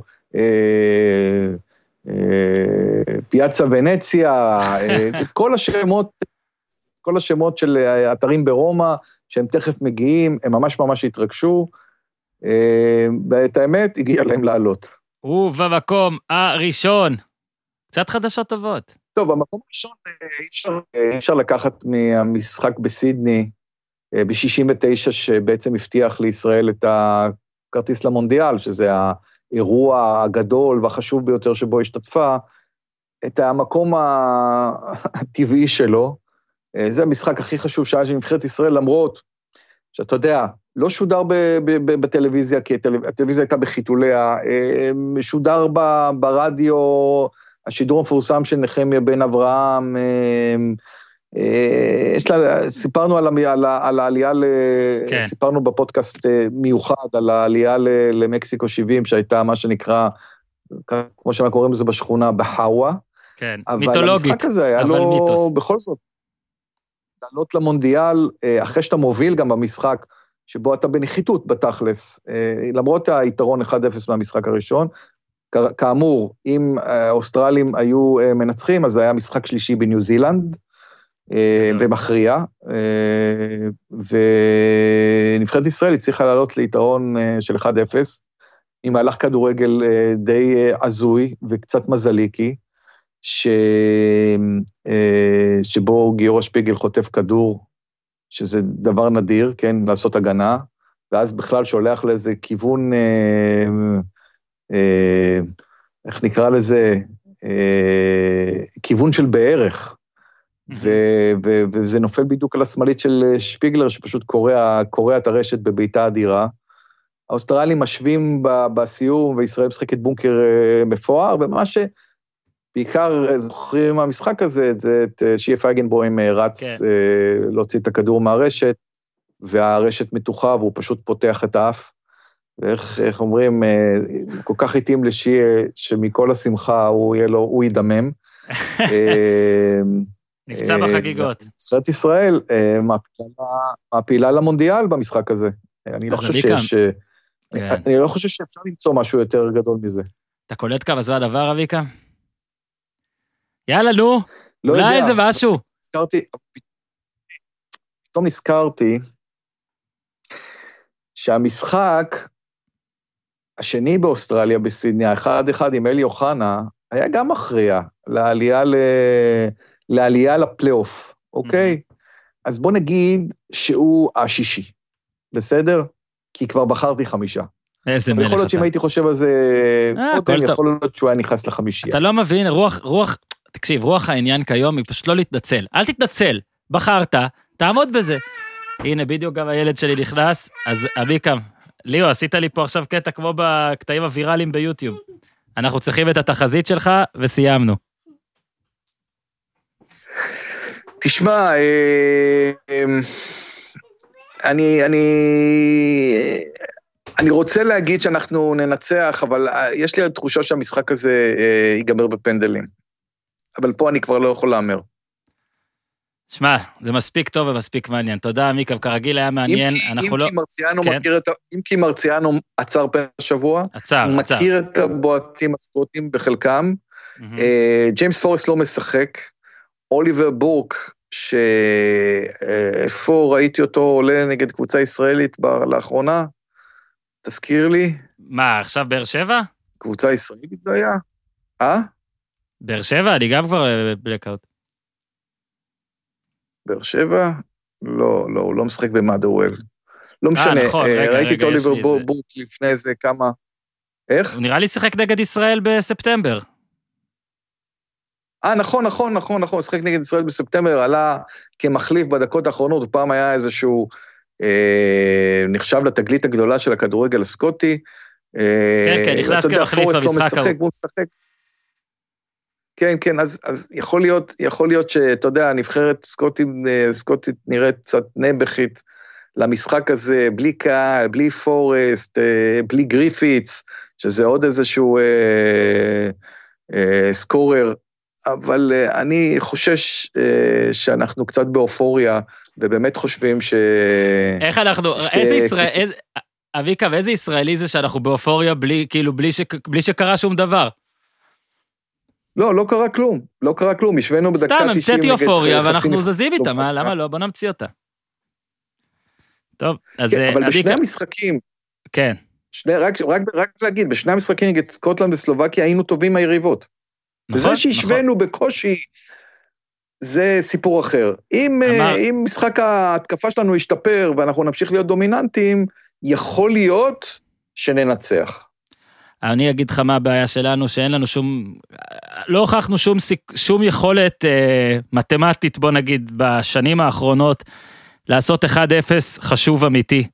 אה, להפסיד 1-0 הצלחנו כמה פעמים, 1-0 לנצח, זה היה נגד ליכטנשטיין, אה, וחוץ מזה לא היה לנו 1-0 אה, לדעתי עד... אה, לא זוכר אם זה היה אסטוניה או איזה גיאורגיה אחד, אה, באמת, המון שנים. ובמשחק הזה אתה צריך, כל עוד אתה שחשוב סופ... להזכיר, אני חושב שחשוב להזכיר גם ביום זה, גם בשבוע זה, שהניצחון הגדול האחרון של נבחרת ישראל, על נבחרת שמדורגת יותר טוב ממנה, כלומר, טובה על הנייר ממנה, היה בפארק דה פרנס בשלוש-שתיים.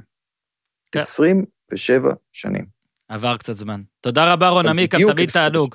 תמיד תענוג, ואנחנו שבוע הבא ננסה להנחית אותך בכיכר המדינה כדי לעשות משהו קצת אה, היסטורי, אבל אה, שקשור גם ליורו. אה, לא נספיילר הפעם, רק נגיד שמאזינים ביקשו את זה ספציפית.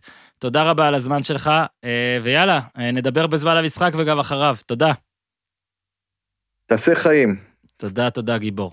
אה, אז תודה רבה לעמיקם, תודה רבה לניר צדוק, תודה רבה לאור יוזן, לקריה האקדמית אונו ולביר בזאר. עד כאן להפעם, תודה לאיתי, תעשו טוב.